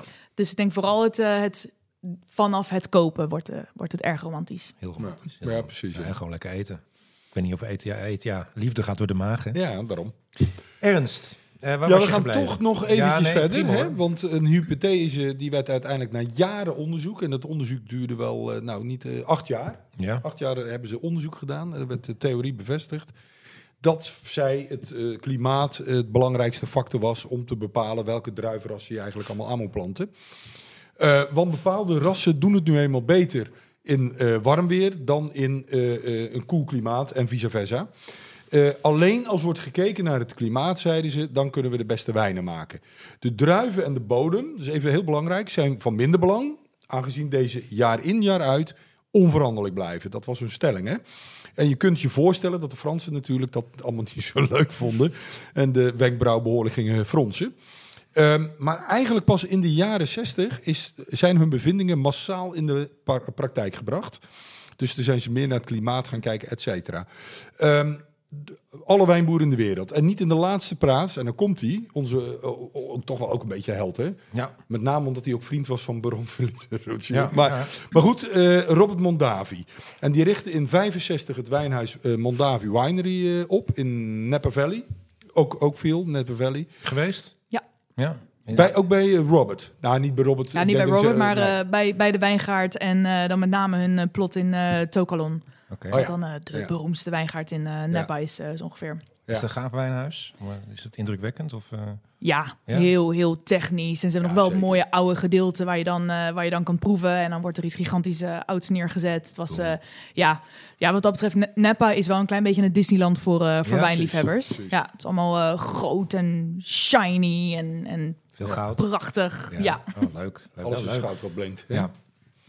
Maar hij was dus de eerste, jij zei het al, die weer naar stille wijnen, naar krachtige wijnen. Hij nam afstand van die massawijnen, die jug wines, ook van die blush wines. Hè, dat zijn de wat zoetere wijnen, maar ook wel, eh, wel eh, rosé. En hij ging echt hele mooie wijnen maken van eh, Cabernet Sauvignon en van Sauvignon Blanc. En leuk voor een stukje nog, vond ik zelf, is hij, noemde de, hij noemt zijn Sauvignon Blanc Fumé Blanc. En dat heeft twee redenen. Ten eerste omdat hij ja, op hout gelegeerd is of gelagerd is.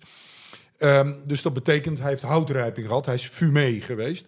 Maar ook, hij was helemaal gek op Pu, eh, Puy Fumé. Uit het eh, dorpje Puy-sur-Loire. hè. Dat is een Bourgogne. En hij wilde net zo'n mooie wijn maken toen. Nu zijn ze zelfstandig, eh, Inge. ik zou het niet meer herhalen. Maar toen wilde hij net zo, zo mooie wijn maken als nou ja, in dat geitendorpje Puy-sur-Loire. Ja, want maar, maar- Robert Mondavi heeft ook gewoon veel samengewerkt met, Ja. met Franse eh, wijnhuizen. Ja. de, de grootste die er zijn, hè, Philippe de Rothschild. Chateau Mouton Rothschild.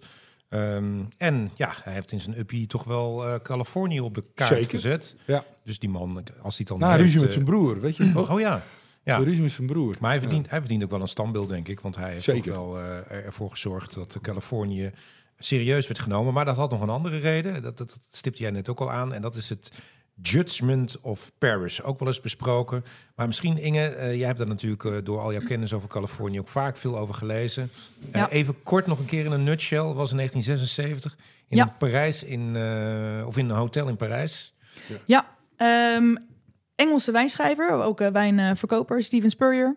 Die eh, ehm, was eigenlijk altijd heel erg van alleen maar oude, oude wereld. Mhm. En ehm, die werd eigenlijk eh, een beetje overgehaald door een vriend van... joh, weet je, kom nou eens van dat, dat ouderwetse af... en neem Amerikaanse wijnen ook eens onder de loep. Dus dat, dat deed hij. En toen wilde hij eigenlijk een... ehm, toen heeft hij een proeverij georganiseerd, eh blindproeverij. Met allemaal Franse ja, juryleden van de echte grote Bordeaux's, Bourgognes, eh, noem het maar. En een paar, ehm, ja, met name neppenhuizen. En er werd blind geproefd. En eh, tot eh shock, schande en, en verschrikkelijkheid Ja, ja, ja, ze vonden het niet leuk. vonden ze het niet zo leuk. Nee, nee. Maar, Toen maar wonnen ze- die Amerikanen. Ja, zowel met, met de Chardonnay van Ja. Chateau Montelena en de. Ja, Ja, Cabernet. ja. ja, fantastische wijn. Gaaf. Ja. Ja. die, ja, daar ben ik dus een beetje jaloers op. Die heb ik dus zelf nog niet eens gedronken. Nee? Maar het is fijn dat hij hier leeg staat. Dat is eh, top, dankjewel. Als ik Ja, dat geweten, uh, Inge Deum, nog niet gedronken had, had ik er een gekocht. Daar ja. hebben we wat aan, Ernst. Een lege Ja. fles uh, Ja, maar wij hebben een keer op. Ja, wij hebben een keer op, maar Ja. het is ook niet... Was het lekker? Zo. Ja, Ja, fantastisch. ja, geweldig, ja. Maar Wat kost die tegenwoordig? Een eurotje 50, 50, 55 daartussen. Ja, ja. Ex-importkosten. Oh.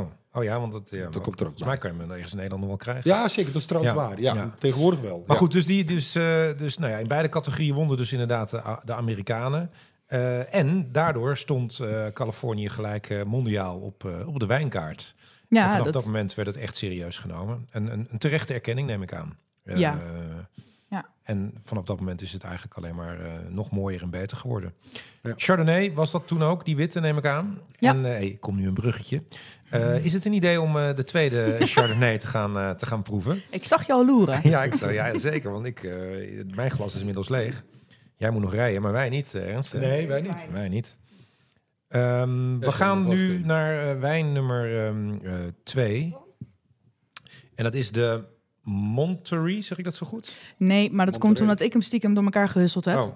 Sorry. Oh, oh, we gaan een andere doen. we hebben dan de Dit is, eh, eh, ja. Oh ja, ja, dit is sorry. Maggie Hawk. Oh, Ja. Maggie Hawk. Maggie Ja. Hawk komt uit, eh, eh, uit de Anderson Valley. Dat is. Mendocino, dus dat Mhm. ligt weer een stuk boven eh, Napa. Oh, dat is... eh, Biodynamisch is het waarschijnlijk. Zeker. Nep, of, eh, Napa is, ehm, nou, wat we al zeiden, hè, het, is, het is groot, het is bombastisch, het is, eh, het is eh, chic, pracht en praal. En Mendocino is eigenlijk ehm, precies het tegenovergestelde. Mensen die zich daar niet in konden vinden, die zijn echt vertrokken naar het noorden. De hippies, de organic, de biodynamisch. Ehm, ben, hier, ben ik, eh, hier ben ik dus ook geweest. En ik had net een, eh, een paar dagen Napa Valley achter de kiezen. En eh, nou ja, dikke tong, pijnlijke mond, alleen maar ja. dikke cabernets. En eh, wij kwamen daar en ik had het al een beetje gehoord eh, vanuit mijn oorhoek. Van ja, ja, geen idee waar we moeten zijn. Ja, ze zeiden iets van een vlaggetje en vuur. Ik denk, oh, oké. Oké, terwijl natuurlijk alles staat heel groot aangegeven in, eh in Napa Valley. Ja. Je, je, Ja, mist, ja, je mist geen bord, hè? Het is allemaal niet, niet te missen. Dus wij kwamen eraan en inderdaad een, eh, een vuurtje in het midden van een wijngaard eh, eh, was aangemaakt. En hooibalen lekker op zitten. En kom, kom, kom, kom gezellig doen. Hier, hier is een kleedje, hier is wat wijn, hier is een kaasplankje. Wees, wees welkom, gezellig, fijn dat je er bent. heel relaxed. Heel relaxed. Mm. En dat was echt even een verademing. Ja, ja, ja. ja. Pinot Noirs word ik persoonlijk heel Mm, erg gelukkig ik ook, van. Ik ook. Chardonnays, maar alles is ingetogener. Het is, wat ik al zei, dicht, dichter bij de, ehm, bij de zee. Hm. Dus er is meer koeling. Ehm, veel eh, wijngaarden, wijngaarden weer op, eh, ehm, op de heuvels. En ja, Maar tot, dus, dus we hebben het weer over Californië, maar totaal andere cultuur, Totaal. totaal andere stijl. ik ga nu tegen mijn eigen regel in, maar je zou bijna een beetje Bordeaux versus Bourgogne kunnen zeggen. Ja. Ja. Oh, ja, ja. Ja. we mochten Ja. niks vergelijken. hè, Nee, nee, nee, nee, nee, nee. nee. nee. Dus, Wij eh, doen niet Maar meer. even, nee, we- we- nee. We hebben het tot twee minuten niet gedaan. Vergeleken. Dit, dit, dit, in de neus is het wat, eh, wat animaler, wat stalliger bijna, Zeker. zou je zeggen. Ja. Wat, wat, eh, Hij heeft ook een wat steviger zuurtje, maar die past er mooi in. Vind ik hoor. Ah, het is wel grappig dat je, dat je het stallerige zegt. Want dat Ja. eh, heeft zich eh, eh, met het wijnhuis veel te maken. Want eh, Maggie Hawk was de favoriete raceha- racepaard van eh, de eigenaar. En Oh, alle ja. eh, Pinot Noirs Mhm. die ze eh, vervolgens gemaakt hebben. Dus eh, nou ja, kleine... In de toekomst, Ja, daar staat kan zo er- meteen ja. eh, Stormen. Stormen is dan weer een eh, afstammeling van Maggie Hawk. En zo hebben alle Pinot Noirs hebben een naam van... Ja, dat is eh, ook weer een, een race, een renpaard. Oh, leuk. Oh, maar dit is Ja, echt wel een hele coole wijn. Echt. Ja, Dit is echt een cool mooi. climate Ja, wijn. cool Ja. climate wijn. Ja. Ja. Ook wel stevig aan de prijs volgens mij. Hè? Mhm. Want dit zit volgens mij ergens rond, eh, wat is het, eh 70 euro? ja, klopt. Jeetje, wat een geld man. Klopt. Maar wel eh, Top. Ja, top. Ja. Deze Ja, zit overigens niet in het pakket, maar kan je natuurlijk wel gewoon verkrijgen. Maar dit is wel heel gaaf. Ja, heel mooi. En wat een verschil met die. eh, Ja. Veel minder ligt, hoe ver ligt het dan, eh, Ja. zeg maar, qua kilometers uit elkaar ongeveer? Als je dan van Neppa naar hier, eh, hier eh, gaat, is dat heel ver uit elkaar? Is dat, is dat vlakbij? Of, eh, Nee, we, eh, ik heb... Ik We hebben anderhalf 80, uur gereden. Oh ja. En dan, en dan al zo'n verschil dan. Ja, Ja, cool. ja En je en gaat en omhoog en je gaat richting eh, de kust. Ja. En het is toch Ja. weer een andere, andere vallei. Ja. Dus het was een groot verschil. En daar zitten ook, en dat is natuurlijk niet gek met bubbels. Die gebruikt natuurlijk ook vaak Chardonnay Ja. en Pinot Noir. Daar zaten ook met name de champagnehuizen. Ja, ja. Dus Reuderer zit daar eh, ook in de buurt.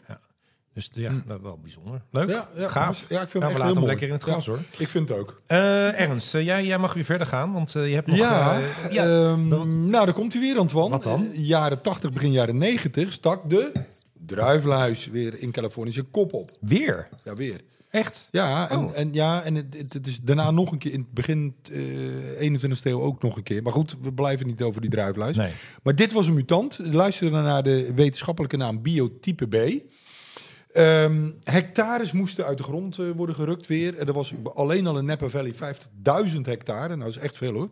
Dus die wetenschappers moesten terug naar de tekentafel en gingen allemaal eh Phylloxera-resistente druivenrassen ontwikkelen.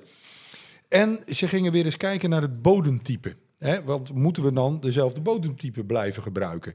Want, Antoine, de bodem bleek wel degelijk invloed te hebben over, op de kwaliteit van de wijn. Dus niet alleen het klimaat. Nee, want er waren eh, bepaalde regio's, we zeiden het al, mesoklimaat, maar ook mesogebieden, eh, waar de stokken op zandgrond stonden, die waren niet aangetast door de druifluis. En dat komt omdat de druifluis niet gek is op de bodemtype. Want die graaft gangetjes en die gangetjes storten natuurlijk direct weer in Ja. bij zand. Dus daar komt hij liever niet. Dus het gevolg was dat wijnboeren probeerden zoveel mogelijk op zandgronden te heraanplanten eh, vanaf de jaren negentig. En dan, wat er, daar had ik hier geschreven, ja, die arrogante Fransen hadden het toch een beetje gelijk gekregen achteraf. Hè? Dat bodem ook ontzettend belangrijk is. Dat zijn helemaal gek. Nou, Phylloxera die steekt nog steeds één keer in de zoveel jaar zijn kop op, omdat hij zich blijft eh, evalueren. Hij past zich eh, continu aan, continu aan aan de door de mens gewijzigde leefomstandigheden. Ja, het blijft een kat-en-muisspel en dat blijft voor eeuwig doorgaan. Is dat, dat is Jammer. alleen in Californië of o- eh, over heel de wereld? Nee, ze over heel de wereld, maar in Californië, daar heb ik het wel het meest over gelezen. Ja. Ja. Dat die, die komt echt wel één keer in de vier, vijf jaar terug. Zijn ze daar ook heel erg mee bezig daar? Of eh, merk je daar niet veel van als ze dat eh, daar op locatie? Nee, ik heb dat niet per se Nee. gemerkt. Maar als je ook zegt van, joh, het komt elke vier, vijf jaar terug. Ja, dan zou het gewoon in hun standaard werkzaamheden zitten. Ja, Zo ja. van, ja, hoort erbij. Ja, hoort erbij. Net, ze, zo- zijn, ze zijn bijvoorbeeld net zoals bezig. natuurlijk heel veel andere eh, diertjes en ziektes en, eh, en eh, noem het maar op. Toch? Ja, dat klopt. Maar ze Ja. zijn bijvoorbeeld, daar komen we straks nog op terug. Maar ze zijn, eh, ik meen al bij biotype G of zo. Oké. Zo ver, want ze zijn doorgegaan met de mutanten met biotype B en C en D. En volgens mij zijn ze al bij G. Zo ver is het al. Maar Hartstikke goed, fijn. dat is allemaal niet zo interessant, hè? Nou, helemaal niet. nee, daarom. Eh, Oké, dan de wijngebieden. In podcast eh, nummer 17 bespraken we eh, dus ja, Californië redelijk kort als een van de vele wijngebieden, wel het belangrijkste in, in Amerika. Zeker. Maar nu gaan we dat dus wel uitgebreid doen, want er zijn dus in Californië hoeveel? Zes grote wijngebieden.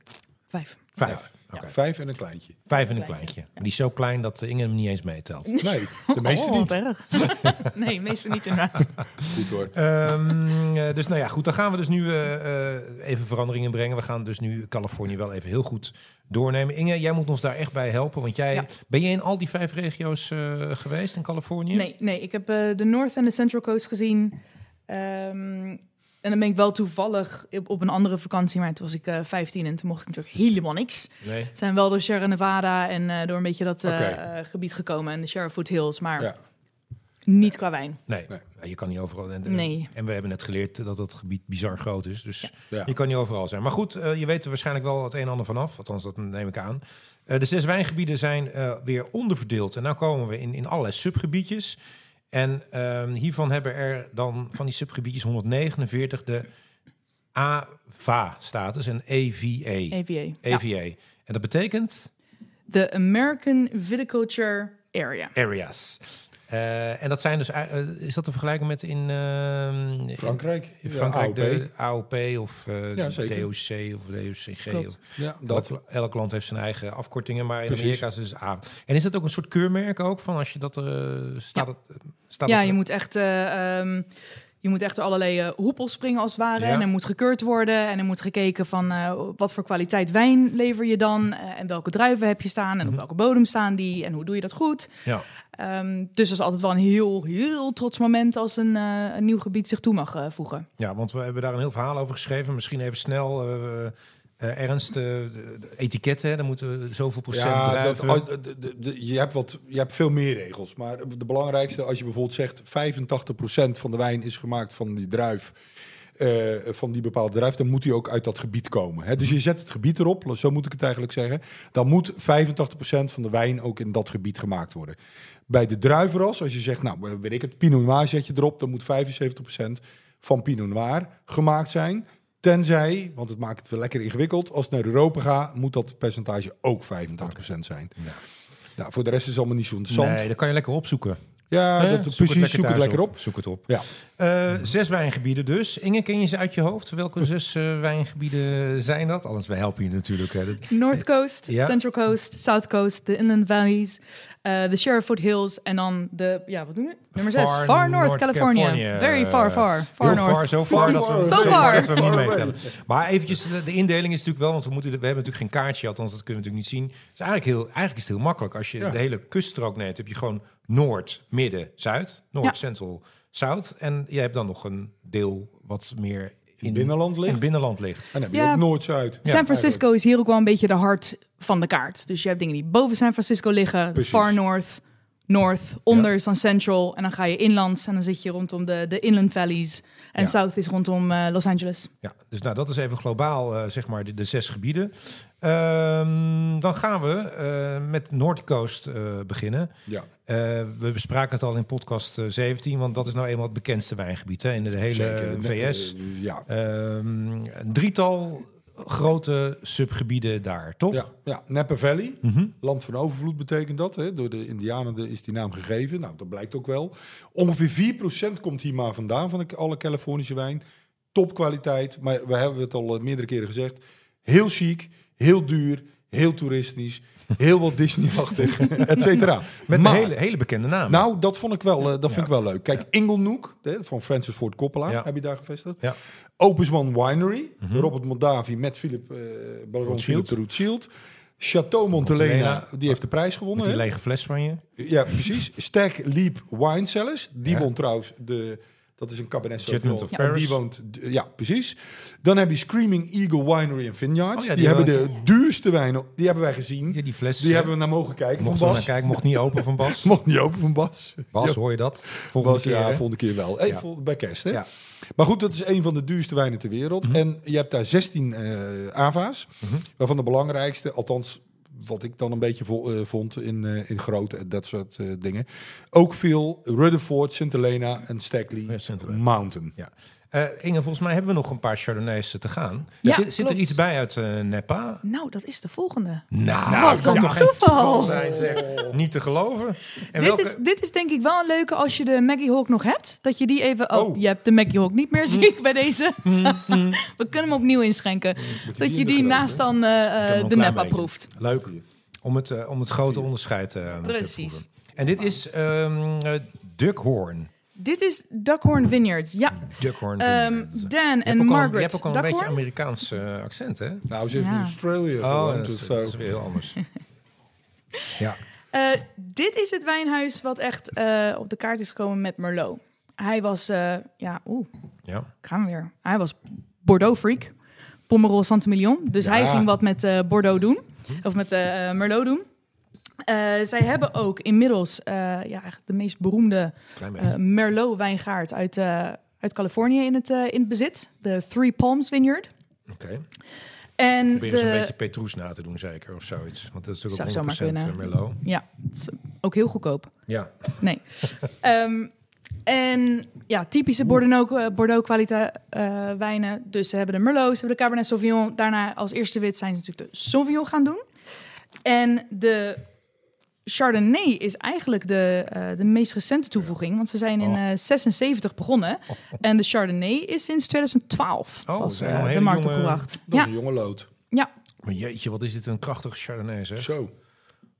Wel boterig, maar toch, wat heeft hij? Hij heeft iets kruidigs of zo. En ehm, heel klein beetje zoethoutig ook Ja. eh, een beetje erin. heftige afdronk. Dit is echt wel een Ja, ik vind hem pittig, hoor. Pittig. Want ik heb nou even die tweede terug. Ja, dat is die. eh, deze zit overigens wel in het eh, pakket. Hè. We zetten het allemaal nog eventjes lekker op, eh, op de site wat wat is. Maar deze Duckhorn Vineyards, ook geen goedkope wijn trouwens. Nee. Eh, ook rond de 40 euro. Zit Ja. wel in het pakket. Dat is wel gaaf om dit een keer te proeven, man. Dit is Ja. echt cool. Ja. Wat een stoere wijn. En Ja, zij zijn... ehm, dit. Ja, Zij een- zijn na een aantal jaren wel eh, corporate gegaan.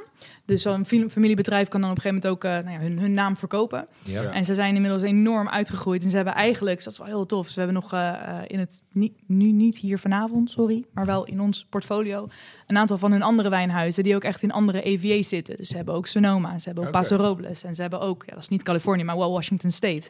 En alles wat met een eend te maken heeft. Oh ja, want die staat ook een eentje op. Ja, precies. Gezellig. De Korn. En maar, begrijp me niet goed, zij zijn dus onderdeel nu van een conglomeraat aan wijnhuizen of zo. Of zij zijn dat conglomeraat. Of Zij het- zijn dat conglomeraat. Oh. Ja, En daar is dit er één van. ja. Ja, maar ja hier dit, is, dit is de, hier is het begonnen, Hier is het exact. begonnen. Kijk, dat is dan wel weer leuk dat we toch nog iets eh, traditioneels hebben. Ja, dit is, dit is dus echt wel gewoon dik Amerikaans toch wel. Maar toch, Maar wel, Wel verfijnd. Nou, ja, ja, ja, ja zeker verfijnd. Hij heeft, eh, ja, ja, ik vind hem wat, eh, wat smoky in de neus. Zeker. Ja, persik, tropisch fruit.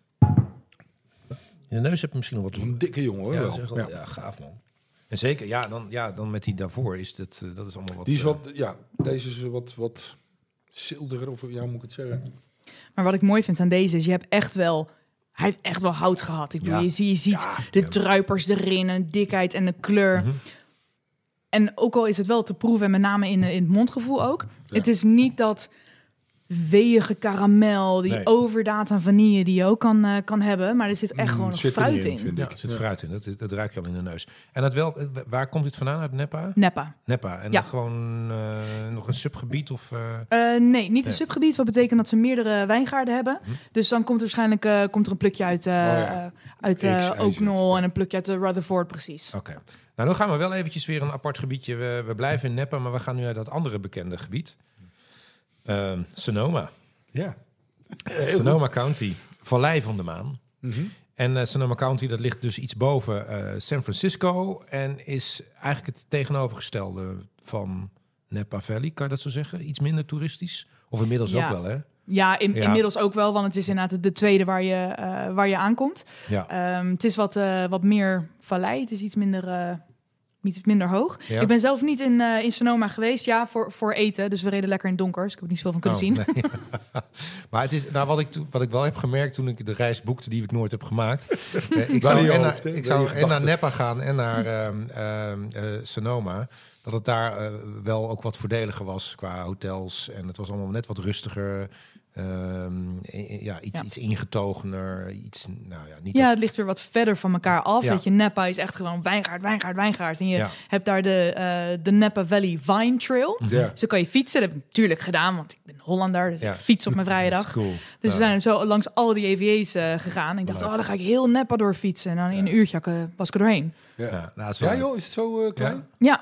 Was ook wel een elektrische fiets, moet ik eerlijk erbij zeggen. En, waar, en waarom het... eh, ehm, ehm, eh, oh ja, welke, dan heb je allemaal subgebiedjes in Sonoma. Russian River Valley. Nou, waarom dat, dat de Russian River is, dat hebben we vorige keer helemaal uitgelegd in de Ja. podcast. Heel leuk Russische, verhaal. Vissers? Russische vissers. Eh, Sonoma Valley, Sonoma Coast, Alexander Valley, Petaluma Gap. Ja. Petaluma Gap. Petaluma Gap, ook een coole naam zeg. Ja. En Dry Creek Valley. Nou, dat zijn eh, een paar van de bekende eh, EVA's. Ja. Ehm, en dan komen we bij een gebiedje waar jij ook net al wat over vertelde, volgens mij. Ja, Me- Mendocino County. Eh, dat ligt ongeveer 150 kilometer boven eh, San Francisco. Het, dat is het noordelijkst gelegen gebied van de Noordcoast, althans. 12 eh EVA's. Ehm, we zijn het al, biologisch, biodynamische wijnen maken ze daar. Dat kan ook omdat het een vrij droog eh, gebied is. Dat betekent ze de, de planten hebben weinig last van eh, plantenziektes. En je hoeft dus ook weinig chemische bestrijdingsmiddelen te gebruiken. Oh ja. Vandaar. Dus dat is ook, het is ook eh, mm, ik weet niet of het nou gedwongen is, maar het is wat makkelijker om hier biologisch biodynamisch te doen dan in andere gebieden. Hey, en Inge, wat is nou het verschil tussen het klassieke Napa Valley en dat eh, Mendocino? Is dat het wat, wat Ernst zegt? Dat het eh, biologisch, biodynamisch meer Ja, de druivenrassen ook echt. druivenrassen? Ja, dus je hebt daar de, de Pinot Noir en eh, de Chardonnay. Mhm. Ehm, er is ook weer daar ook weer een heel groot verschil tussen dag- en nachttemperaturen. Dat kan echt van 22 tot 28 graden verschil Mhm. zijn wat daar gebeurt. Ehm, En dat, dat was de, die wijn hebben we net ook geproefd, hè? Dat was die... dat was eh, eh, het renpaard, oh ja, het de rem, Maggie ja. Hawk. Oh ja, die Maggie Hawk, ja. Ja. Dus, ja. En eh, er zitten daar ook veel eh ehm Elsasse eh, druiven. Dus we hebben Gewürztraminer, ze hebben de Pinot Gris zie je daar ook, eh, ook veel. Ja, Ehm, logisch. Logisch. En veel wiet ook. Ja, ja, ja, ja, ja, dat las ik, ja. Ja, Ja, ja, ja, ja, wiet, Ik, ja. ik zei Ja. dat het een beetje een hippie community Ja, ja, was. ja, en, Hey, omwille van de tijd, is het, we hebben nog één, eh, volgens mij nog één eh, Chardonnay eh, staan. Ja. Eh, zullen we die eh, inschenken? dat Dan doen moet ik wel eventjes wat nu, want nu heb ik, nu heb ik mijn, mijn glazen allebei En vol. dit is de, de laatste Chardonnay. Dus je kan je al inbeelden hoe Oh jee. dik die misschien waarschijnlijk gaat zijn. Ja. En deze zit ook in het pakket, hè, volgens mij. Klopt. ook Ja. Wat een, wat een gaaf etiket trouwens ook. Ik zie een soort eh, eh, tekening van een, eh, van een groene... Wat is het? Vis? Een vis. Met, eh, Baars of zo? Ik kan het niet zien. nou ja, het zal wel Dit heet, met eh, eh, deze wijn is onderdeel van The Cut Series. de Cut Series. The Cut Series van eh Boisset.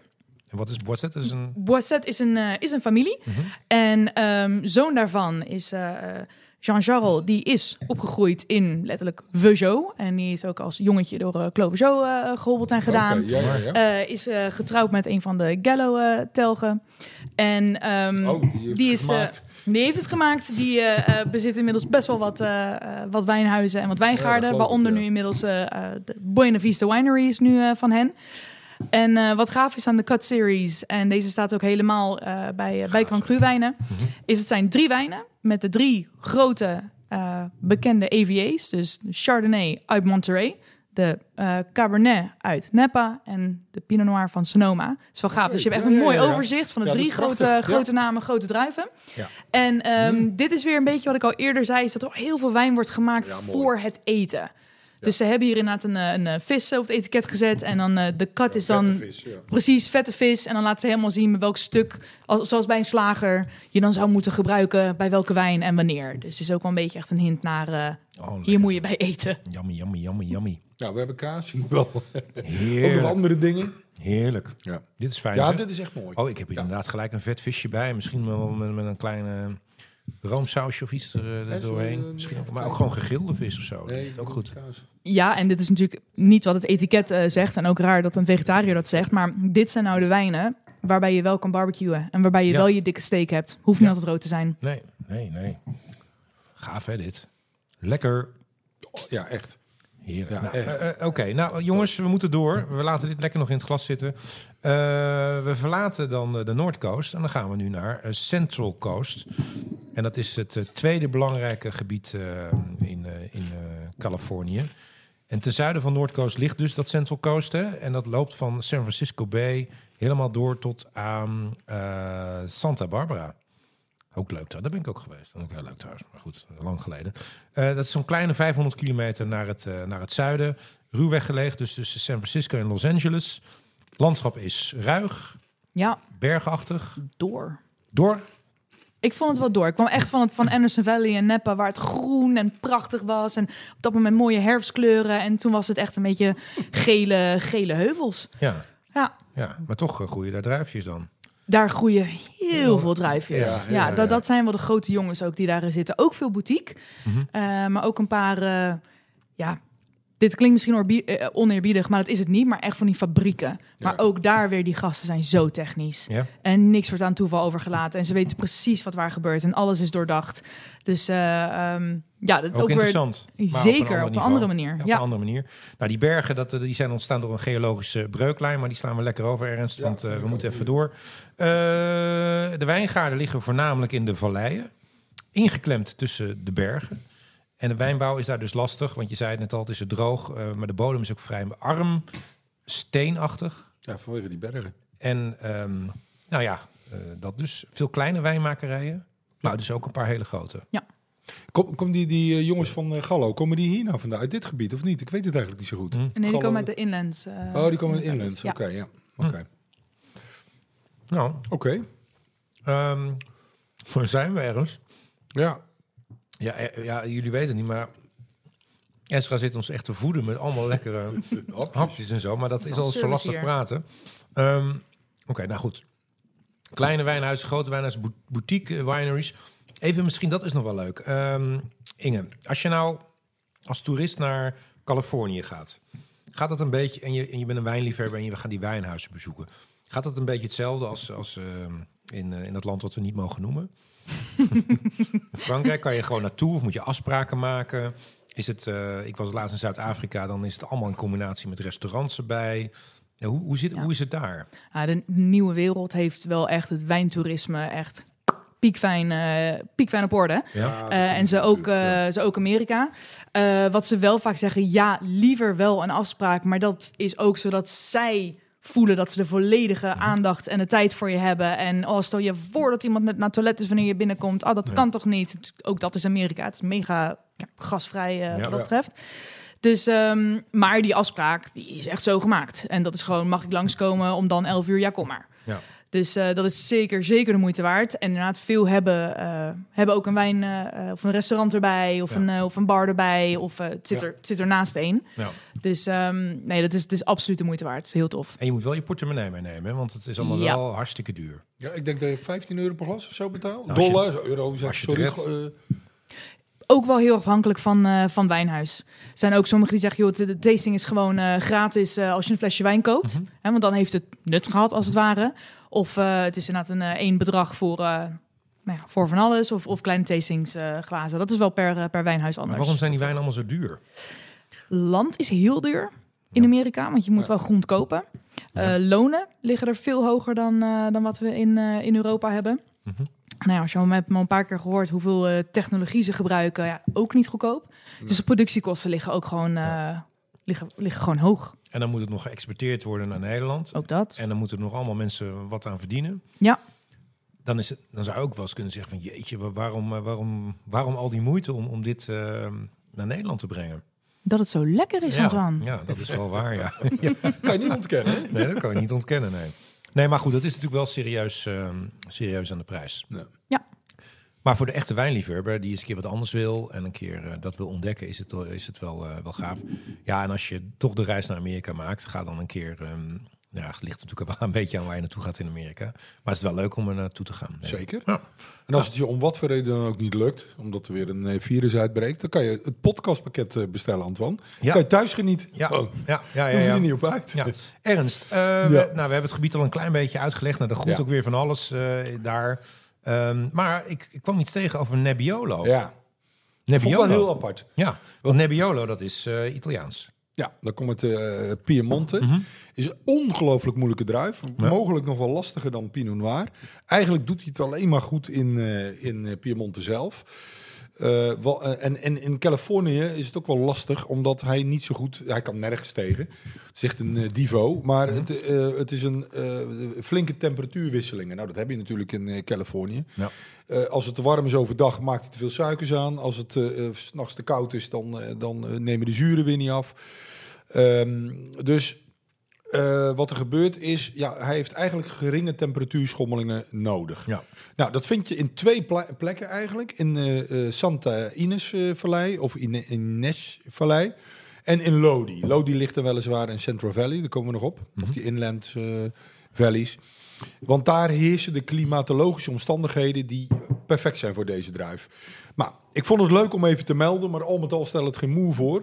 Want het Oh. is eh eh eh, Nebbiolo's minder dan 1% staat ervan aangeplant. Nou, maar die vindt, dan, wel apart. Ben je een grote. Ja, we hebben, ik wil nog even als laatste van dit gebied, dan gaan we alweer naar de volgende. Eh, wilde ik nog even opzommen de belangrijkste AVA's. Dat zijn die Santa Cruz Mountains. EVA's. EVA's, ja. Sorry, Dankjewel, Antoine. sorry Antoine. Eh, Santa Cruz Mountains. Anthony, Monterey Anthony. County. Ja. Eh, Paso Roble, een hele bekende. Oh. San Luis Obispo, ook een bekende. En Santa Barbara. ja, Nou ja, dan hebben we wel de bekendste gehad. Ja. leuk. Ehm, we gaan langzaam naar de eerste Oh, rode, de rode wijnen, de rode wijnen. Hè, hè.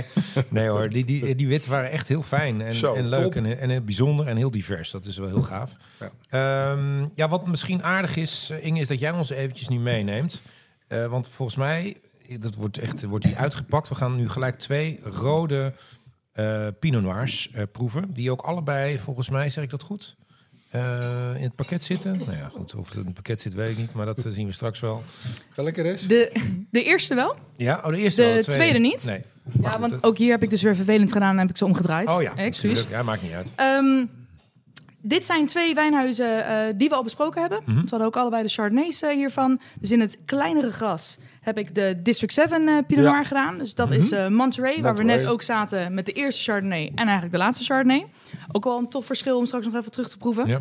En in het grote glas zit kind van renpaard Maggie Hawk. En dit is Oh, dan ja. de Stormen Pinot Noir uit Anderson Valley. Ja. Dus we hadden net al ja, vergelijking van Napa en Anderson, maar nu gaan we nog groter eh, eh, uit elkaar zitten. Hey, en wat ik interessant vind, dat, dat, dat die Pinot Noirs, hè, dat, dat is toch iets...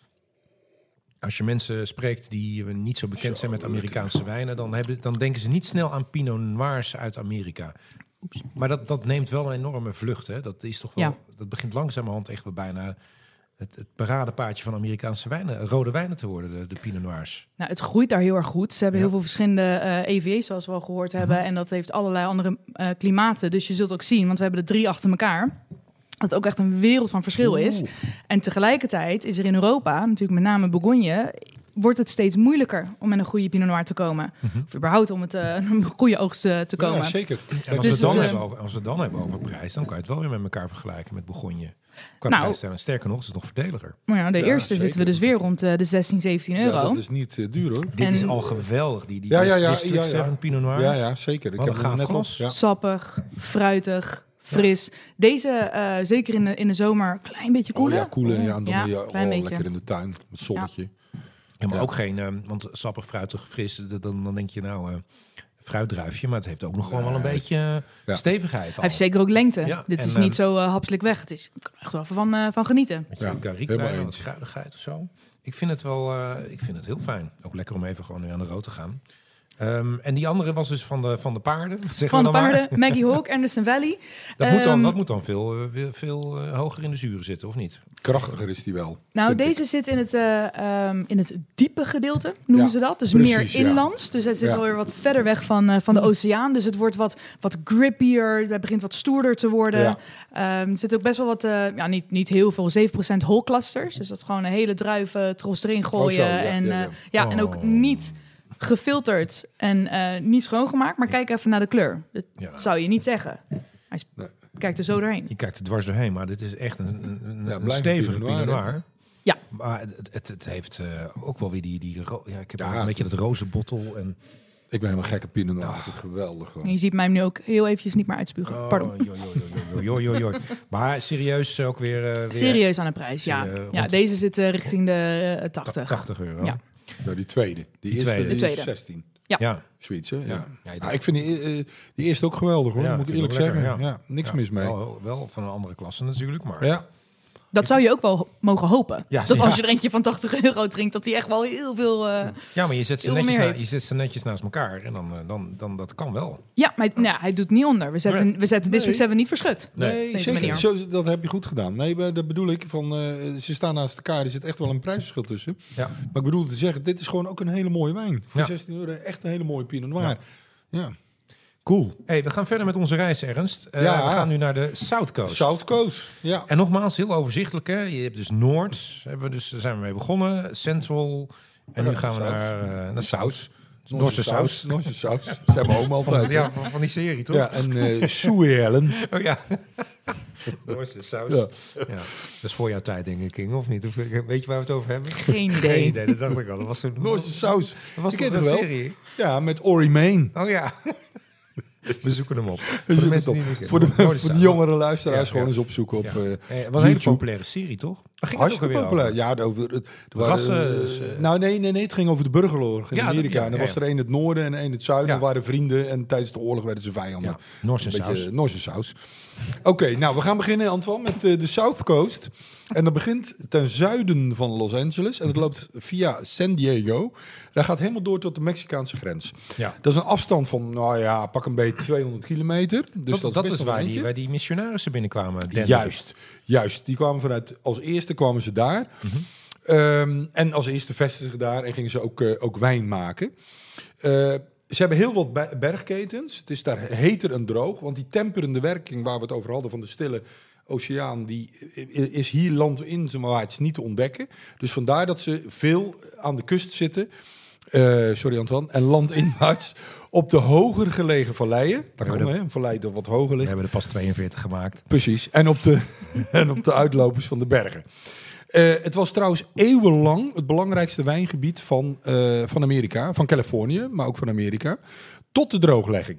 Want toen gingen ze eh, met namelijk de sap gebruiken om nou ja, de, zeg maar druivensap van te maken. Ehm, in de jaren 50, is- om- nou ja, tot, dat liep door tot aan de jaren 50. Daar hoopten ze een beetje een, eh een te krijgen, maar dat is niet gelukt. Want in de jaren 50 gingen ze de steden, Los Angeles, San Diego, gingen ze uitbreiden. werd heel, heel veel groter en daardoor ging er heel wat wijnbouw verloren.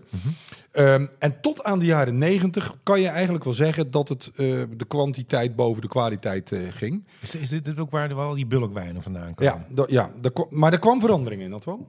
En nou hebben we daar geen, helaas geen eh, jingle voor of geen geluidje voor. Maar het was de ziekte van Peers. Die heb je blijkbaar ook. En die, Zal ik er eens eentje proberen? ja, probeer maar. Oh nee, dat lijkt me niet de ziekte van Peers. Sorry. Ja, het schelen, joh. Nou, dan, dan maar die draaien luisteren. Dat is dezelfde. Er staat een applausje daar, joh. Ja, Hou applaus, kan je uitschelen. Maar in ieder geval, het, het, het, eh, in dat decennium kwam de ziekte van Peers weer naar voren. Dat had hij al een aantal keer gedaan. En daardoor moesten er heel wat eh, wijnstokken gerooid worden. En die ziekte werd ver- veroorzaakt door een bacterie. Die heeft een veel te ingewikkelde naam. En die werd overgebracht door een bepaalde krekel. En die krekel at lekker van de plant. En als die van de plant at, dan sprong die bacterie over op de plant. En die zorgde dat de vaten van de wijnstokken verstopt raakten.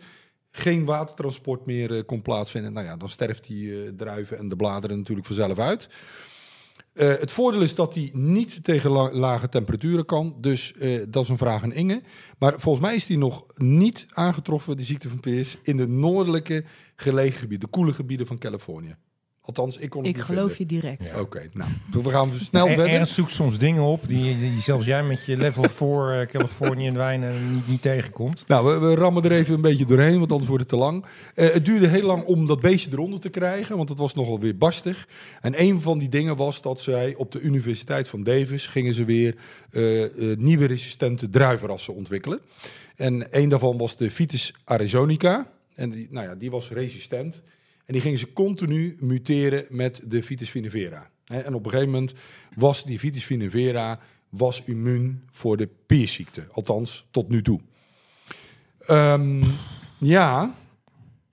En maar nu? na die uitbraak, want dat is eigenlijk veel belangrijker, gingen wijnboeren weer eens nadenken welke druiven hier het beste aangeplant konden worden. Ja. Gegeven het klimaat en ook gegeven de bodem. En dat was Zinfandel. Zinfandel. Zinfandel doet het hier fantastisch. En daarnaast Cabernet Sauvignon, Syrah, Chardonnay en Chenin Blanc. Hmm.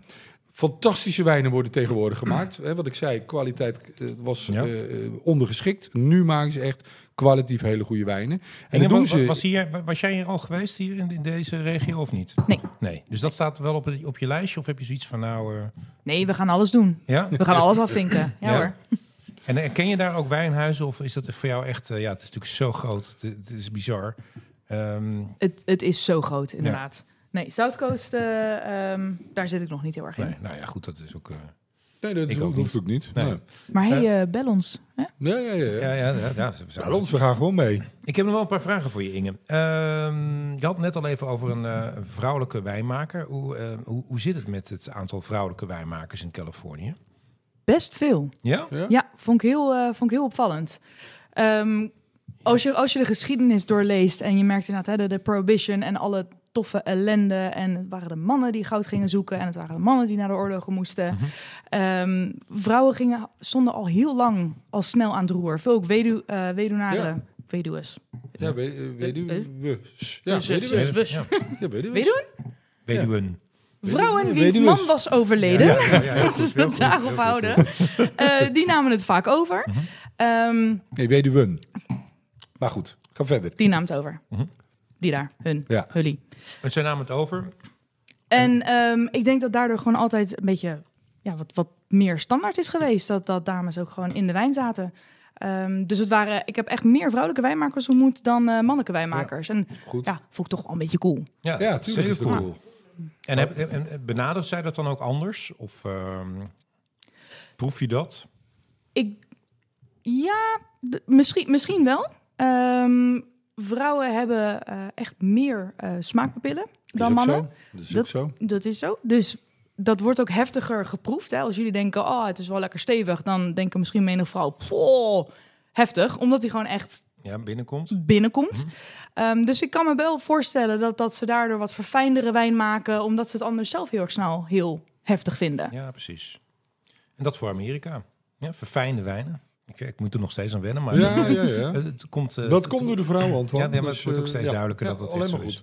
We hebben nog één Pinot Noir te gaan, volgens mij. Ja, Is het leuk om die nu te, niet, nu te proeven? zeker. En dan zou ik de, eh, het grote glas houden waar dan eh, Nog een klein oh, beetje van die, eh, eh, Valley Oh in ja, zit. ja, ja, ja, ja. Oké. Ja?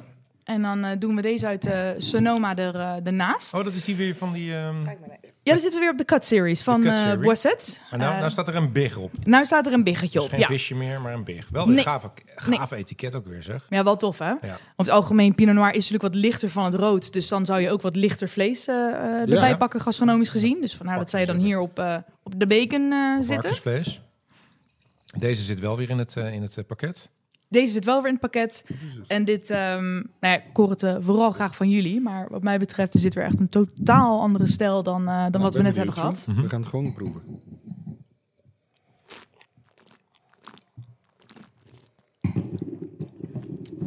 Oh. Zo, deze is... Oh man, deze is lekker zeg. Dat is wat vleesiger of zo. Ja. Veel dikker hè? Dikker. Wat zoeter ook. Zoeter. Van, vandaar een varkentje. Ja. Dikke, vlezige. Ja. Maar dit is... Oh, en ook dit is Pinot Noir. Tof is dat hè? Ja, dat je toch tof. elke keer de Pinot Noir wel gewoon blijft herkennen. Ja. Maar wel Ja. heel anders. Ja, maar het- toch allemaal andere stijlen. Maar toch, ja, je proeft... Ja, eens. Gek is dat eigenlijk inderdaad, ja. Maar we hebben er nou drie geproefd. En je zou alle drie zeggen Pinot Noir, maar ze zijn echt allemaal verschillend. Heel erg lekker. Nou, deze gaan we eh, lekker even in het glas houden als laatste. eh, Want we hebben zo nog twee, eh, tot slot nog twee eh Cabernet. Cabernets natuurlijk. Want dit, dat, mag, dat mag echt niet ontbreken als we het hebben over California Dreaming. Eh, we gaan naar het vierde subgebied in Californië. En dat is de Inland Valleys, of Central Valley. Niet te verwarren met Central Coast, want Central Valley ligt dus inlandig. Inland. Inland. Nou, de Inland Valleys vormen het belangrijkste landbouwgebied van Californië. Ja. Groente, fruit, graan, hooi, noten, katoen. Het wordt er allemaal verbouwd, maar dus ook druiven. Eh, het wijngebied is eh, 700 kilometer lang. En er ligt 160 kilometer land inwaarts, om maar weer eens even aan te geven hoe groot het daar is. Ehm, het is ook het grootste, het grootste wijngebied van Californië, want daar komt dus 70% van alle wijn vandaan. Nou, dat, Ja. dat begrijp ik eigenlijk niet zo goed, want we hebben nu al zoveel gebieden besproken waar we elke keer zeggen van... eh, daar Ja, maar dat is niet zoveel. Kijk, bijvoorbeeld Napa Valley is 4%. Sonoma County, of Sonoma is, eh, Sonoma, so, neem me niet kwalijk, is ongeveer 7%. Dus daar zit je al maar slechts op 11. Ja, En ehm, Central Valley is eh 15%. ja. Nee, Central Coast, sorry. Oké. Central Coast is 15%. Dus dan het Ja. klopt wel Blijft wat over. Ja, Ja, daar blijft heel wat over, ja. Maar wat is het dan voor gebieden, Inge? Nou, in ieder geval, laat, nou, laten we eens beginnen met over, over die agrarische... Er is dus heel veel, daar zit heel veel agrarische kennis, neem ik aan. Ja. Is dat iets wat dus is overgenomen door de, de wijnboeren? De, de, de, de, de kennis als het gaat om, eh, om druiven? Of hoe moet ik dat zien? Agrarische kennis versus de, de kennis... Ja, het is, het is wel een gebied waar inderdaad heel veel bulk vandaan komt. Ja. Ehm, dus je moet wel zo succesvol mogelijk zijn in wat je verbouwt, want Ja. je, hebt het allemaal, eh, je hebt het allemaal nodig. Massa, massa, massa. Massa is uh, kassa. Ja. Ehm, behalve het gebiedje Lodi. Oh. Eh, Lodi is ook echt waar de... Oh, de spreek je ook zo uit. Hm. ja, ik ben, ben een beetje beleefd als gast. Hè? Ik ga niet alleen maar... verbeteren. Loda. Ehm, Loda heeft de Zinfandels, heeft de oude stokken Zinfandels. Daar is ook weer veel, Ja, ja. veel zand weer. En eh, dan heb je echt van die, die vines die daar heel erg lang staan. Dus het krachtige, krachtige, dikke eh Zinfandels. En Lodi, ehm, ook door het weer, leent zich ook heel erg voor bio. Dus ze hebben daar ook een eigen certificering Lo- Lodi Green. Wat ook weer heel veel, heel veel bio is. Er komt ook absoluut meer en meer kwaliteit vandaan. Ehm, maar het meeste is bulk en dat moet je wel weten hoe je dat, hoe je dat verbouwt en hoe je dat doet. Ja. En net als eigenlijk in heel Amerika zijn er waarschijnlijk generaties die elke keer dezelfde familie. Het wordt van vader op zoon, moeder op dochter doorgegeven. Dus die kennen dat land echt door en door. Op dezelfde manier zoals ook eh, heel veel fruit, graan, hooi, katoen, noten Ja. daar al eh, in, in, in honderden hectare tegelijk wordt, eh, Ja. verbouwd. Ja. Ehm, Oké, en, en zit, zitten daar dan die, die grote wineries van, van, van, die we allemaal kennen uit de supermarkt? Of is het ja, die, die Ja. bulk? eh, Klopt. Oké, maar je hebt er dus nog een paar pareltjes eh, tussen zitten. Ja, zeker. Ja. Zeker als je van Zinfandel houdt. Ja. Ja, dat klopt, ja. Als je van Zinfandel, wat is? Zinfandel is, eh, wat, vinden we dat, wat vinden we daar ook weer van? Niet lekker nou, toch? nee, dat ben ik niet helemaal mee eens. Maar dat is, de, dat is eigenlijk een, eh, een broertje of een zusje van de Primitivo. Oh ja, Weet je nog? ja, ja. ja. Ooit ja. hebben we dat oh, ja, hebben we verteld, ooit ja. eens een keer verteld. Hoe heet dat nou? Trinidrag. Ja. De Maar Kroatische wat- wat- druif. Wat is dat nou is het de kenmerk weer van Zinfandel? Wat is dan ook weer het kenmerk van? Dus mee, hoe zat het ook alweer in Zuid-Afrika? Daar heb ik laatst een, de- hoe heet die druif Oh, gaat nou vandaag. ja, ja, van de hak op de tak, die een beetje naar rubber eh, smaakt. Oh, Pinotage. de Pinotage. Ja. Ja, goede pinotage ook niet meer. Nee, nee, die zijn super lekker. En ik Ja. heb ook een paar hele goede op. Dus zeker. Maar dat is een beetje met Zinfandel ook. Heb je een hoop eh, eh, matig tussen. Maar wat, waar we het nu over hebben, dat, dat zijn de top Zinfandels. Nou, er, er zijn absoluut hele mooie Zinfandels die ook echt wel heel erg, eh, heel erg serieus zijn. Eh, maar ook die ja, is een beetje ten onder gegaan aan zijn eigen succes, zijn de, de bulk. En op een gegeven moment gingen ze white Zinfandels maken. Ja, dat zijn ja, die klopt, ja. meer zoete, Ja. meer zoete rosés. Ja. En, maar wat zijn ehm, dan de kenmerken van een rode, goede rode Zinfandel? Wat, eh, Het heeft altijd wel een beetje een zoetje. ja, nou, dat zoetje. Nou, dat vind ik dus niet Veel lekker. fruit. Heel Zwaar. veel fruit. Ja, Ja, veel zwaar, alcohol. ja. eh, Ja, dik, in je, bombastisch, dik in ja. je mond. Ehm, Ja. echt heel Merk- Amerikaans. Merk ook, ja, en toch eh, is de Amerikaanse markt er steeds minder naar aan het vragen. En eh, zie je echt dat er meer Cabernet voor in de plek komt. Dat Ja, ze echt van het rooien zijn. Ehm, we hadden zelfs op een gegeven moment een uh, Zinfandel en die werd gewoon niet meer gemaakt. Nee, doen we niet meer. Nee, we zijn Merlot aan het aanplanten. Oh ja. Zo, wat blief. Ja, Ik vind dit trouwens eh, nog even... ja on- ongelooflijk lekker. Hey, ehm, Ernst, eh, we, zijn... eh, Ja, we slaan een stukje maar denk ik over, want daar hebben we het al over gehad. Over Lodi, terwijl het in Italië gewoon Lodi heet. Maar goed.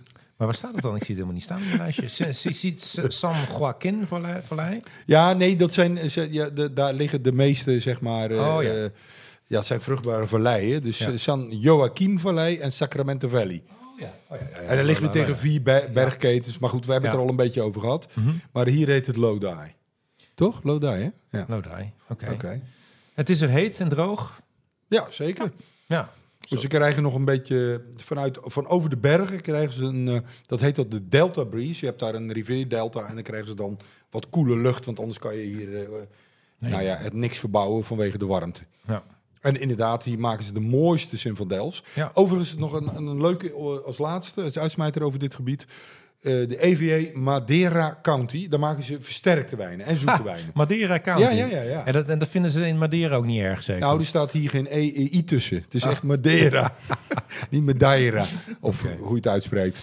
Eh, Inge, Ja. Ja. volgens mij wordt het nu tijd voor het stevige werk. Oké. Mijn Ja, god, nou daar gaan we. Ja, we gaan eh, nu eh, namelijk, eh, we hebben, want ja, dat is toch waar, waar ehm, eh, oh, ik vind het zo jammer om dit weg te gooien. Ja, ik ook. Ik baal er gewoon van, Anton. Maar ja, het is een podcast. Het tempo moet erin blijven. Ja, want anders dan eh, haken Kunnen mensen jullie af. het even tussendoor, eh, niet voor de luisteraar, maar te warm? Want dan doe ik de achterdeur een beetje open. Nou, de luisteraar luistert mee, hè? Ja, oké. maar Niet voor de open of niet? Nee, voor mij niet. Ik, eh, Ik ben. Ik ben, ik ben ook helemaal oké. Nee, oké. Zijn nu mensen thuis ook eh, oké?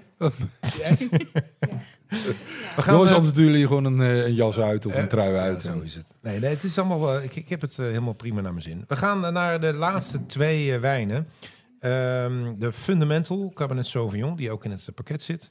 En ehm, Ernst, kan je mij deze glaasjes even leeg ja, gooien? ja, even wachten, Anton. Dan gaan we Want ja, kijk, als we het natuurlijk over Californië hebben, moeten we natuurlijk wel een paar Cabernet Sauvignons drinken. Want dat is toch Zeker. wel waar het gebied toch eigenlijk wel van, van oudsher onbekend staat, toch? Ja. Ja. Ja, de Cabernet is wel de nummer één, eh, de nummer één rode druif. En ook wel bij VAR. Ja. En, En- deze komt uit, eh, eh, uit de Central Coast. Dat is ook wel een leuk verhaal. Dit is gemaakt door Joey Tensley. Joey Tensley die zit eigenlijk in Santa Barbara. Die maakt echt hele mooie wijnen. Nog duurder dan wat we hier op tafel hebben staan. Die ehm, is op zijn 22e is hij eh, ehm, bij Wijngaarden in Ronde gaan, gaan werken. Chateau of de Paap, helemaal Syrah-freak. Is in... ehm, ergens naar ver voordat hij 30 was, had hij gewoon zijn eigen wijnhuis in Santa Barbara. Ging allemaal Syrah's eh, maken. Dus hij is wereldberoemd in Amerika voor zijn Syrah's en is de king of Syrah. Shiraz. Ehm, maar hij miste zelf, omdat hij al zijn wijnen zit altijd in de 100 beste wijnen, heel veel punten. En hij miste eigenlijk, ja, wat is nou letterlijk het fundament van wijn drinken? Gewoon op de dinsdagavond, gezellig met Ja. elkaar. Ja, Hij zei ook dinsdag trouwens, dus het is wel toevallig dat het Oh, nu ook leuk. dinsdag is. ja. En ehm, toen is hij samen gaan werken met Scheid, dus van District 7, die we al geproefd hebben. Om gewoon de toegankelijke wijnen te maken die je gewoon open mag trekken, omdat je er lekker zin aan hebt. ja. En ehm, heeft hij dus Zonder niet, dat het eh, pijn doet, zeg. Zonder dat het pijn doet in de portemonnee, Ja. exact. Dus hij heeft bij, hierbij niet zijn, eh, zijn eigen druiven gebruikt, want we hebben het een Cabernet Sauvignon. Mhm. Maar die dus van eh, de druiven van Scheid en hij heeft het team geleid. En eh, een hele toffe samenwerking eigenlijk. Het is eh. Gewoon zo'n project, zeg maar. Wat je ook in het begin zei, dat het in, Am- in Amerika echt anders wordt naar gekeken dan, Ja. eh, dan in Europa. Ja. ja. Cabernet Sauvignon, Fundamental. Ik ben benieuwd. En Fundamental is dan een, dat is, zo heet dat project dan? Of is dat Ja. wij- ja. Dat is eh, de, de range die hij gemaakt heeft. Eigenlijk een tweede label in plaats van het Tensley Oké, label. Dus, ja. dus dit is het label. ehm, Mooi hoor. Ja.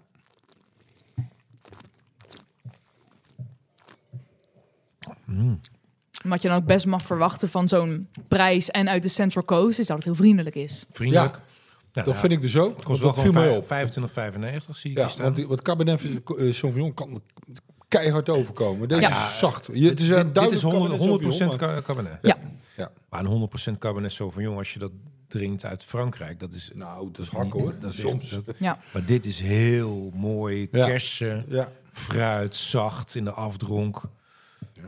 Ik word hier wel En het, ja, en het hoeft ook niet zo lang te liggen als bijvoorbeeld een Bordeaux. Kijk, Nee. dit is een, eh, een 21 die we nu drinken. Ja, als je nu nog een 21 Bordeaux betrekt, dan denk je, oh, oh, Mhm. mag nog wel even. ja, precies. Ja. Nee, die is echt mooi. Lekker zeg. Ingetogen, ga ik, eh, mooi. Maar wel een Cabernet Sauvignon, maar daar Je hou ik gaat? van. Ja. Die is echt mooi. Ga het tegenovergestelde inschenken. Oh, oké. Nou, oké. Ik dacht, je zei dat je ging, maar... Nee, je gaat even nee, de fles aan. nee, deze fles laat ik niet zomaar bij jullie staan hoor. Hey Ernst, eh, we hebben nog wel een paar eh, kleine gebiedjes eh, te bespreken. Ja. Eh, want eh, ja, Ja, we moeten we door. zijn bij eh, gebied 5 Een inmiddels. uur en drie kwartier zitten we alweer op, Ernst. Oh, nou dan gaan we deze Maar goed, we hebben voorgenomen om in 2024 nog langere podcasts te Ja, maken. dat is waar hè. Ja. Ja.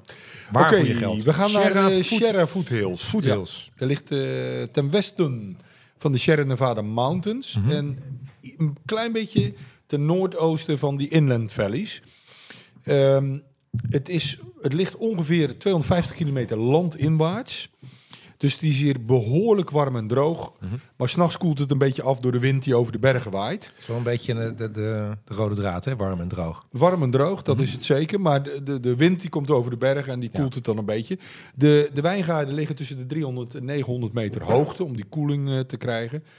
Ehm, hier ontstond de wij- wijnbouw echt vanwege de cold rush. Alle ellende hebben ze weer meegemaakt. Hè? Dus de druifluis, Wereldoorlog 1, Great Depression, et cetera. Ehm, maar wat, wat het leuke is in dit gebied, ze hebben de stokken laten staan. Dus wat ze gingen doen, ze lieten gewoon die wijnstokken staan. Ze deden er eigenlijk niks mee. En ze legden daarnaast, in de jaren twintig, daarnaast legden ze hele hectares aan fruitbomen aan. Eh, peren, pruimen, citrussen en noem het maar op. Eh, het wordt dan ook niet voor niets de Fruit Basket of the Nation genoemd. Dus in daar wordt echt heel veel fruit gemaakt. Eh, maar de wijnstokken die werden in de jaren 70 weer herontdekt. En Maar die stonden er al heel lang dus. die stonden er gewoon al heel lang. En het waren hele oude stokken. Dus de, en de bodem was arm. En de wijnboeren die gaven de voorkeur om eh, minimaal te irrigeren. Dus vandaar, ze hebben hele lage opbrengst. Maar de wijnen die hier vandaan komen zijn over het algemeen fantastisch. En lage grondprijzen, denk ik dan. Ja, dat klopt ook. Ja, want eh, daardoor besloten een flink aantal wijnboeren in de jaren 90 te vertrekken naar de Sierra Foothills. Om hier die oude wijngaarden nieuw leven in te blazen. En dat is, eh, dat is eh, gelukt. Er wordt momenteel best veel wijn geproduceerd. Eh, toch zijn het wel vaak hele kleine wijnhuizen. Ja. En je ziet het hier eigenlijk ook. niet heel erg terug. Inge, ken, ken jij dit gebied een beetje of ook niet? eh? Niet heel goed, als ik eerlijk ben. Nee, nee. Ik, ik snap het ook wel, want het, het, ja, de, de focus ligt toch echt wel op, ehm op Noordcoast en Central Coast. Ja. Dat is eigenlijk waar ook het... Ja, daar komt het, eh, ja, de, de belangrijkste en de beste wijnen op zich vandaan. Ja, Ja, de meest aangeplante druiven is hier uh, Zinfandel, daar hebben we hem Ja, hebben we weer hoor. Die, die zoete wegen. Nee, nee, nee. Eh, gevolgd door Cabernet Sauvignon, Shiraz, ook wel. Nou ja, verder alle witte druiven die we al kennen. Sangiovese, zie ik ook ertussen staan. Tempranillo, Barbera. Nou, Ja, hey. Barbera. Ja, je kan alles over- 0,01% Ja. of zo, wat wel, maar goed. Ja. Maar ze hebben wel een hoop eh EVA's. Ja. Vijf Ja. voor, voor zo'n gebiedje. Ja. Ja, en dan het gebied eh, wat we niet, eh, wat we, want, want Inge, je zei... er Wat zijn eigenlijk vijf. niet genoemd mag worden, maar we doen toch stiekem. Nee, Inge, wat we eerst gaan doen eh, is even die laatste wijn. eh, eventjes, want dat- jeetje. Ja, daar wil ik, zit op, ik zit, er zit een microfoon tussen, maar ik ruik hem hier. Ja, dit, dit, is een, eh, dit is een big boy. Ja, dit is echt een big boy. Ja. Dit eh, komt weer uit Napa. Ja? En ehm, dit is gemaakt eh, door eh, Pine Ridge Vineyards. Wijnmaker eh, ehm, Josh, die, Joshua Mendoza Wiedemann. Die eh, zit daar eigenlijk pas per, per 21. Dus volgens mij, dit is ook zijn eerste vintage dan. En hij heeft eh, ehm, opleiding genoten en gewerkt in, eh god, ik heb ze allemaal opgeschreven. Wat was het? eh Douro, Bourgogne, Chili, Griekenland, Duitsland. Die gast Oh, heeft die heeft wel wat geleerd dan. Ja. die heeft wel wat geleerd. en ehm, Oh. hij is, zijn missie is juist die, die grote, heftige, soms wat hoekige Cabernets uit de Napa juist weer iets makkelijker te maken, iets Toegankelijk. toegankelijker, iets meer gewoon voor mm, de hedonistic pleasure, noemt hij het zelf. Ehm, mooie vent ook, boom van een vent. Ik vind als Nederlander natuurlijk niet heel vaak Amerikanen die heel veel langer zijn eh, Nee, dan, eh, nee, dan nee. wij, maar eh, hij wel. En ik mocht ehm, bij hem zijn eh 2022 wijn proeven in november 22. Dus dat had hij echt uit de, eh, uit de tank gehaald. En dat moest hij met een drietal andere wijnmakers. En hij zat daar echt als soort van klein jongetje nerveus te wezen. Van, oh, maar ik wil eigenlijk niet dat jullie het proeven. En het is nog helemaal niet goed. En nog veel te jong. En oh, wat zullen jullie wel niet van me denken? Dat was heerlijk. Ja. Dat was prima. Ja, Ja, heel knap. cool. ja. Maar, dit ja is, hij, hij is top. maar dit is echt geweldig. Oh, de man. neus is... eh heb ik ook wat, wat eh, Maar deze kan nog mint. erg lang ouder hoor. Maar hij is nu Ja. al eh, op dronk. Gek hoor. Ja. Voor een Cabernet Sauvignon. En dit is een algemene Napa ehm EVA die ze hebben. Dus ook weer, dan komt het van verschillende wijngaarden in Oh ja. Napa. Mhm. Maar zij hebben ook heel veel echt EVA-specifieke wijnen. En dan ga je ook weer een prijskaartje omhoog. Ja. Maar dan bijvoorbeeld de Stag Sleep District zitten ze in. Howl Mountain, eh, Atlas Peak. Ja, mooi huis. Echt cool, heel gaaf. En ze proberen natuurlijk ook allemaal eh, op een gegeven moment weer een naam op te bouwen... waarmee ze weer een soort van cultwijnen gaan, eh, gaan, gaan worden. Ja. En dan Ja, dat Er moet wel een soort Ja, van ja, ja. Nieuwe, nieuwe generatie cultwijn aankomen. Want de, de, de huidige, dat is allemaal niet, meer te, niet te krijgen, niet te betalen. Nee, sowieso niet. Dat is allemaal 1000 euro plus vaak al. Ja. En Ja. dit, dit is En een wachtlijst van jaren, Ja, hè, voordat ja. je überhaupt misschien Ja, wellicht ja, een flesje ja, ja. mag. Op, ja, mag bestellen, ja. Ja. Bij godsgratie krijg je dan een flesje toebedeeld, ja. Ernst, dat, dat Far North California, eventjes nog eh, snel. Eh, ja, dat is eigenlijk het laatste wijngebied, Antoine, wat Ja. we gaan bespreken. Het ligt he- nog noordelijker dan de Noordcoast. Ligt eigenlijk boven Mendocino nog, tegen Oregon, daartussen. Mhm. Oh, Oregon, Oregon, is onze eh, Pinot Noir gaan we het een keertje over hebben. Eh, de, de heel klein wijngebiedje Inge, dan nodig niet... je weer uit. Ah, leuk. Ja, Vind ik leuk. ja, precies. Eh, heel klein wijngebied, wordt niet veel wijn gemaakt. Wordt ook bijna niet in de wijnliteratuur genoemd. Wij doen natuurlijk wel, Antoine, voor de volledigheid. Ja, Ehm, maar wat opmerkelijk is dit gebied, twee dingen. Ze hebben vijf AVA's, onvoorstelbaar. EVA's. EVA's. Ja, EVA's, eh, eh, excuse me. Vijf EVA's, dat ehm, toch wel typisch is voor een wijngebied... wat eigenlijk niet zoveel produceert en helemaal niet bekend is. Ehm, maar we gaan het niet eh, helemaal uitgebreid bespreken. Ik wilde alleen nog één ding zeggen. Ze hebben daar een beroemd wijnhuis. Dat heet eh, New Clairvaux. Ik denk dat ze het zo uitspreken. Wordt zo gerund beroemd is het. door een... Sorry? Zo beroemd is het. Ja, zo beroemd is het. Het is, eh, wordt onderhouden door een orde van trappistenmonniken. Dus ze maken bier, maar daarnaast ook wijn. En wat zij doen, zij zijn de enige in Amerika die eh, een aantal Griekse druivensoorten verbouwen en daar wijn van maken. De Assyrtiko Hey, van het eiland Santorini. Ja. En daar had ik nog, no- die ken ik wel, maar deze had ik nog nooit van gehoord. Mocho Filero. wordt ook echt alles gemaakt ook, hè? eh, Peloponnesus. Dat is echt heel bijzonder. Dus, en voor, en voor de rest moet je het gebiedje gewoon vergeten, want dat stelt allemaal niks voor. Hey Inge, we hebben nog een paar dingen met je te bespreken. De uitdagingen voor de Californische wijnbouw. Ehm, waar we het eigenlijk nog niet heel erg over hebben gehad, is eh, klimaatverandering. Daar hebben we ook een jingle voor, toch? Nee, die hebben we niet. Nee, nog maar niet. Dat zouden we ook moeten hebben. Ehm, hoor je, als je daar bent, hoor je daar veel over? Hebben ze daar... Ja. ja? Ja, ze maken zich wel zorgen om, eh, omdat het warmer wordt, dat het droger wordt. Ehm, toevallig, toen ik, toen ik er was, had het voor het eerst sinds maanden geregend. Oh. En ehm, dat is ook wel even een eh, perspectief eh, plaats je dan allemaal. Want wij als eh, eh, Europese toeristen zitten dan, "Eh, het regent en Ja. je zit hier lekker in Californië. En Maar de zij waren rest, blij. er werd echt waar gehuild. Ja? De, de opluchting en de emotie van, oh, er is regen, dit, dit heeft mijn wijngaard nodig. Ja, dan voel je je wel een beetje, een beetje ongemakkelijk dat het je dan net niet uitkomt. altijd regent. Ja, precies. Dus eh, nee, dat is absoluut een uitdaging. Eh, daar moeten ze, eh, moeten ze goed mee, mee aan de slag. En je ziet het ook wel dat mensen ook wel ergens anders aan wijngaarden beginnen te kopen. Dat doen ze bijvoorbeeld in Chili ook. Hè. Daar gaan ze ook nog steeds zuidelijker. Ja. En er Ja. moet nagedacht worden over, ja, wederom, over de rassen die je aanplant. Ja. Ja. Maar doen ze ook irrigeren bijvoorbeeld? eh, Of helemaal niet? Eh, Jawel. Ja? Ja, dat mag daar gewoon. Mag dat, Ja, ja, zijn mag. minder streng, eh, streng in. Zeker. Maar overal of, of, of soms of op eh, bepaalde nou, het is wel altijd wanneer het nodig is. Ja, Want als je natuurlijk te veel doet, ja, dat is er ook niet goed voor je wijngaard. Nee, nee, nee, nee. Je moet ze niet te veel verwennen. Nee, dus dat is, dat is wel een, een eh, de, de klimaatverandering. Ja, de- ja, we hebben het er elke keer over. Dat is natuurlijk overal zo. Ehm, heb je, Ernst, heb je nog andere dingen? Oh ja, nou, nou Ja. ja, nou, als we het hebben over klimaatverandering. Want ik, ik heb af en toe geef ik nog wel eens die proeverij. En dan heb ik altijd die hele. Ja, het zijn wel mooie platen, maar het is natuurlijk vreselijk. Al die bosbranden natuurlijk in Californië. Ja, Dat is ook wat. dat is ook wat. En, ja. en die komen vaak heel dicht bij die wijngebieden. ja, ook vaak niet. Nee? Er zijn ook wel heel veel bosbranden die, eh, ehm, die niet in de wijngebieden zijn. Mhm. Of zelfs als in de wijngebieden zijn, dan waait het er toch overheen. En dat Ja. zijn ook weer vaak de, de heuvels en waar ligt je wijngaard. Precies. Eh, maar ja, abs- absoluut. Ja. Nee, daar, daar kan je echt last van hebben. En eh, ja, het lastige is inderdaad, dat, dat weet je nadat je de wijn gemaakt hebt. Ja, dan krijgen we die rokerige smaakjes, toch? Niet? Nou, dat klopt ja. Want als je eenmaal die rook in je wijngaard hebt, krijg je er niet meer uit. En, Nee. dat, en het lullige is, je, je, eh, de druifjes proeven daar niet naar. Dus je kan het pas ontdekken nadat de wijn is Ja. gemaakt. En dat is het lullige. Want dan zit je opeens, je, hebt, je bent klaar met je wijn en je denkt, ja, wat verschrikkelijk. Ja. En dan zit die rook in de wijn. En dat is echt wel een probleem. Dat is echt een probleem. Ja, dus bepaalde wijnhuizen slaan dan ook gewoon een vintage over. Want ja, ja een rokerig smaakje, nee, hij is gewoon kapot. Die, Ja. eh, die kan je niet meer aan de man brengen. Ik, ik ken wijn uit Bourgogne met een rokerig smaakje. Vind ik eigenlijk best lekker. maar dit is dan waarschijnlijk slaat het. eh nou ja, goed. Eh, Inge, ehm, ehm, stel ik ga er naartoe. Waar moet ik in godsnaam beginnen? Want het is dus, ehm, nou ja, heel groot. 1400 kilometer. Moet ik naar Los Angeles? Moet ik naar San Francisco? Moet ik, wat, wat- en dan? Moet ik, moet ik een taxi nemen? Moet ik een auto huren? Moet ik met de trein, met de bus? San Francisco beginnen. Ja? Ehm, dat is ook echt wel een stad voor, eh, voor de foodies en eh, lekker rondwandelen ja. en, en vis. En Fisherman's Wharf heb je daar, hè? Ja. Exact, en gekke marktjes en rare winkeltjes en gewoon Ga door, ga leuk. door. Ja, gekkigheid. Ik vind Oh, die, heerlijk. dat trammetje zo leuk. Ja, ja, ja. Ja, is ook enig. Dan moet je Ja. gewoon lekker buiten hangen. Mhm. Ehm, je kan inderdaad met de trein naar, eh, naar Napa. Als je echt naar Napa, zeg maar, Napa City. ja? City, hè? Wow, Village.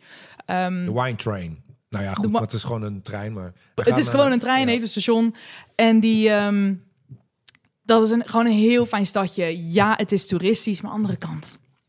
Hm. Neem het. Neem Ja. het tot je, duik erin.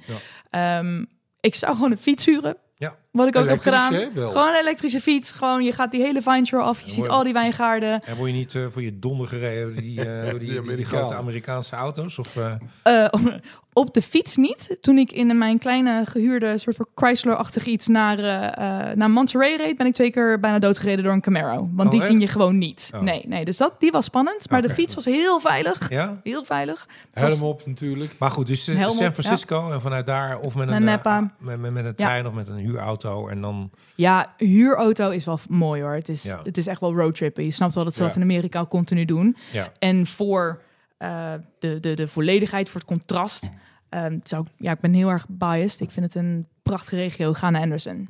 ja? Ja, En dan- Valley. Koop je daar een huisje en dan ga je nooit meer weg. Een huisje kopen gelijk maar. Ah joh, doe maar. Nou. Maar dan heb ik nog een vraag. Dat heeft niks met een huisje. Het, het is een duur land. Eh, heb je nog een, een paar besparingstips als je daar naartoe wil? Wat, wat, wat- wat- als, als je daar komt, wat, wat- waar kan je nou nog op besparen? Nou, ik denk sowieso met heel veel eh, eh, maaltijden en snacks die je daar koopt, daar kunnen wij twee, twee keer van eten. Oh ja. als Nederlander. Oh, dus gewoon dat scheelt tweeën al. één, ge- één gerecht bestellen. Ja. ja? Dus twee één gerecht eh, doen. En verder, ja, nee, het, het is inderdaad gewoon duur. Je moet daar niet met eh, een, een kleine beurs heen. Eh, het is snel eh 10 euro voor een kopje koffie en eh, een halve donut erbij. Ja. Ja. Ja, dat is natuurlijk wel. Maar met die wijnen en zo kan je die ook in de, in de supermarkt eh, krijgen of in een, in een klein shopje. En scheelt dat dan nog qua prijs als je naar de winery zelf gaat? Of Nee, ze zijn daar heel eh, standaard in hoe ze het eh, berekenen. Het is eigenlijk een soort van kostprijs voor zichzelf. En dan eh, eh, gaat het standaard maal twee. oké, En dan is dat eh, bij elke winkel hetzelfde. En sterker nog, het is bijna hetzelfde als eh, in Europa. ja, oh, Ja, oké. zo meneer. Ja. Oké. Dus je hebt een paar, eh, wel een paar supermarkten die er extra om bekend staat. Maar het is echt, eh, Target heeft hartstikke veel wijn. En daar zitten voor ons al best wel mooie wijnen bij. Ja? En eh, Whole Foods is een, eh, een hele goede, die heeft mooie wijnen. En dan heb je ook inderdaad de kleine boutique eh, mannetjes, maar daar betaal je iets meer voor. Maar dat zijn vaak de wat gekkere wijnen, dus ook heel gaaf om naar binnen te gaan. Ja. Dan heb je de orange wines, dan heb je de eh, Natuurwijn ook veel. natuurwijnen. ja, dat doen ze zeker. ook aan. Die Amerikanen Ja. zijn er ook helemaal op los, of niet? helemaal blos. Jij ook trouwens, hè? Maar goed, Ik gaan ook. ja, ja. Ja, ja, je hebt Maar dat is je andere project, als het gaat Mijn om andere project, ja natuurwijnen. klopt. Hey, ik denk dat we zo langzamerhand aan het einde zijn gekomen. En Nou, de, de toekomst van Californië, nog eventjes. Hoe zie jij de toekomst van Californië? Ja, dat is ook zo'n zo'n open vraag. eh, maar Ja. maar je, je bent er eh, nu een paar keer geweest. eh, je, je, je, zit op level 4. Bijna. Ja. Hoe, hoe zie jij de toekomst? Hoe zien ze zelf de toekomst? Ja, de, inderdaad, klimaatverandering staat bij hen bovenaan. Ja. Van wat gaan we daarmee doen Mhm. en hoe gaan we ermee om en wat zijn nou de vervolgstappen. Ehm, maar ik denk stiekem dat ze er al zich daar echt al heel erg op aan het voorbereiden zijn. Mhm. Eh, wijntoerisme is belangrijk, zal steeds ook belangrijker worden, ook in de andere regio's. Dus dat Ja. gaat zich echt wel uitbreiden dan alleen maar, eh, dan alleen maar Napa. Mhm. En ik denk ook dat het eh, gehalte export echt wel groter wordt. Ja. Ik denk dat we het echt aan Oh het ja, ontdekken ja, ja, ja. zijn dat ehm, ja, dit Daar- ook gewoon mooi is. En Europa goedkoop is het ook niet meer. Nee. Nee, precies. Want dat, dat inderdaad, we hebben het al eerder over gehad, over die Bourgognes. Die kan je er goed naast zitten, die Pinot Noirs. Ja. Misschien tijd voor een nieuwe Judgment of eh, Paris. Nou, dat doen Ja. ze natuurlijk ook wel eens. Ja, dat doen Ja. ze zeker. Ja, nou leuk. Nou, ik, ja, ik vond het een openbaring. Ik kan niet anders zeggen. Ja. Toch? Ja. ja, ik had het wel een beetje verwacht. Want ik had vorige keer ook hadden we een aantal wijnen in Californië en, en Oregon en weet ik het wat. En we hebben zelfs wel eens wat eh, gedronken uit dat gebied. Ja, ik weet dat er gewoon prachtige wijnen vandaan komen. Nou, jij hebt het bewezen. Ja.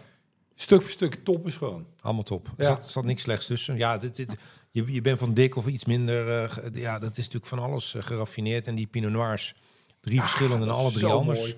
Ja. Ja, en die laatste Ja. is natuurlijk helemaal top. Nou goed, die zit dan niet in het pakket, maar het, het- je kan hem wel eh, natuurlijk vast wel ergens bestellen. Ja. Ja. Over dat pakket gesproken, zes wijnen dus in een mooie box. Ga naar onze klarewijnpodcast.nl site en daar vind je de link naar Grand Cru wijnen. En daar vind je de code en eh, alles ehm, naar die, ehm, die mooie wijnen. We zetten ze ook allemaal keurig eh, op de site met een fotootje erbij. Hoe ze heten en ehm, eh, wat, hoe, hè, hoe ze eruit zien en waar ze vandaan komen. Nou, eh, Inge, ontzettend bedankt. Wil je nog ergens op terugkomen? Wil je nog eh, iets eh, aanvullen? Een nog iets vertellen? Nog een of- openbaring? Wat vind je van ons? Eh vond het, viel het tegen? Viel het mee? Ik vond het hartstikke gezellig. Oh, nou, mooi. hè? Inderdaad, petje af al die, voor het voorwerk. Ja, nou, dat is, dat is En, grondig eh, eh, voor. Ja, dit, dit, dit rijtje, ja, ik, ben- ik kan Ja. hier gewoon heel erg gelukkig en heel erg trots van worden. Wij zijn er ook heel Ja. gelukkig Ja. van geworden Ja, vanavond. Ja, dat meen ik. nou, dat ik de mogelijkheid heb gehad om dit allemaal op te zoeken en lekker samen te stellen. En eh, ah, het was gewoon feest. Super cool. Nou, Ja. Het was ook een feest. Het was echt een feest. Dus nou, d- daar sluiten we mee af, Ernst. Denk toch? het ook. Ja, Ja. vind ik ook. Nou, eh, jullie thuis allemaal eh, dank voor het luisteren naar de, naar de februari-editie van de Klare Wijn podcast. Hij duurde slechts eh, twee uur, dus nou kan ons het schelen. Fijn als jullie er nog zijn. Volgens mij een record, maar je kan hem in, eh, in, eh, in fases luisteren. Met, eh, Ja, met, eh, natuurlijk. je zet hem af en toe op Eh, volgende maand zijn we weer met een podcast eh, 43. En die gaat over, ja, hou je vast. Hou je vast. En wel luisteren mensen, niet afhaken. Die gaat over sherry. Ja. Maar het wordt echt, echt, echt heel erg leuk en lekker. En we hebben ook eh, bijzondere eh, wijnen uit het sherrygebied. Ook, ehm, ook, ook gewoon eh, droge, niet eh, Ja, versterkte die zijn wijnen. ook zo mooi. Die zijn echt En dat mooi. is eh, waar de toekomst ligt ook. En we gaan allemaal zeker. hele gekke, leuke dingen doen. Met weer een vrouw als eh, gast. Oh, heel goed. En Nadine eh, de Visser Ja. eh, van eh, Le Club des Vins. Ja, de Club. Ja. Eh, die van, van, en die maakt ook die andere podcasten. die andere Ook die we niet mogen noemen. Nee, Nee, tuurlijk wel. onzin. Superleuk met Ja, eh, tuurlijk. sommelier. Nee, dat is ook een hartstikke leuke podcast. Moet je ook echt naar luisteren. Eh, maar dit was eh, Californië. Ja, echt Helemaal leuk. supergeweldig. En te gek. En eh, ik stel voor dat we proosten. En we gaan nog even door bij, hè? De podcast stopt. Ja, wij, wij gaan nog even naproeven. Ik Ja, weet niet of, even naproeven. Ik weet niet of Inge gaat naproeven. Maar jij, moet, jij moet blijven spugen, hè? Ah, wat vervelend als je moet rijden. Maar laten we ook eventjes, om terug te komen op het begin... laten we ook vooral proosten op het leven Ja. Ja. en de gezondheid. Want dat is het allerbelangrijkste. Nou, Jongens. zeggen cheers dan, hè? Cheers. Want zo zeggen ze dat in... ehm zeggen, ze dat in eh, zeggen ze dat allemaal in Amerika? Zo, al cheers? Cheers. Cheers. Ja, geen lokale dialecten dingen. Nee. dingen. Gewoon cheers. Nou jongens, cheers. Bedankt voor het luisteren. En tot eh, de volgende keer.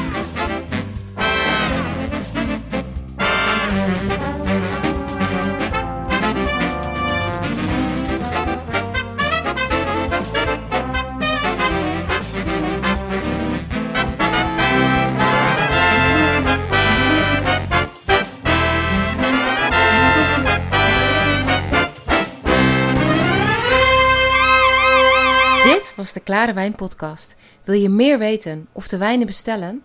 Ga naar klarewijnpodcast.nl of check de beschrijvingen bij deze podcast.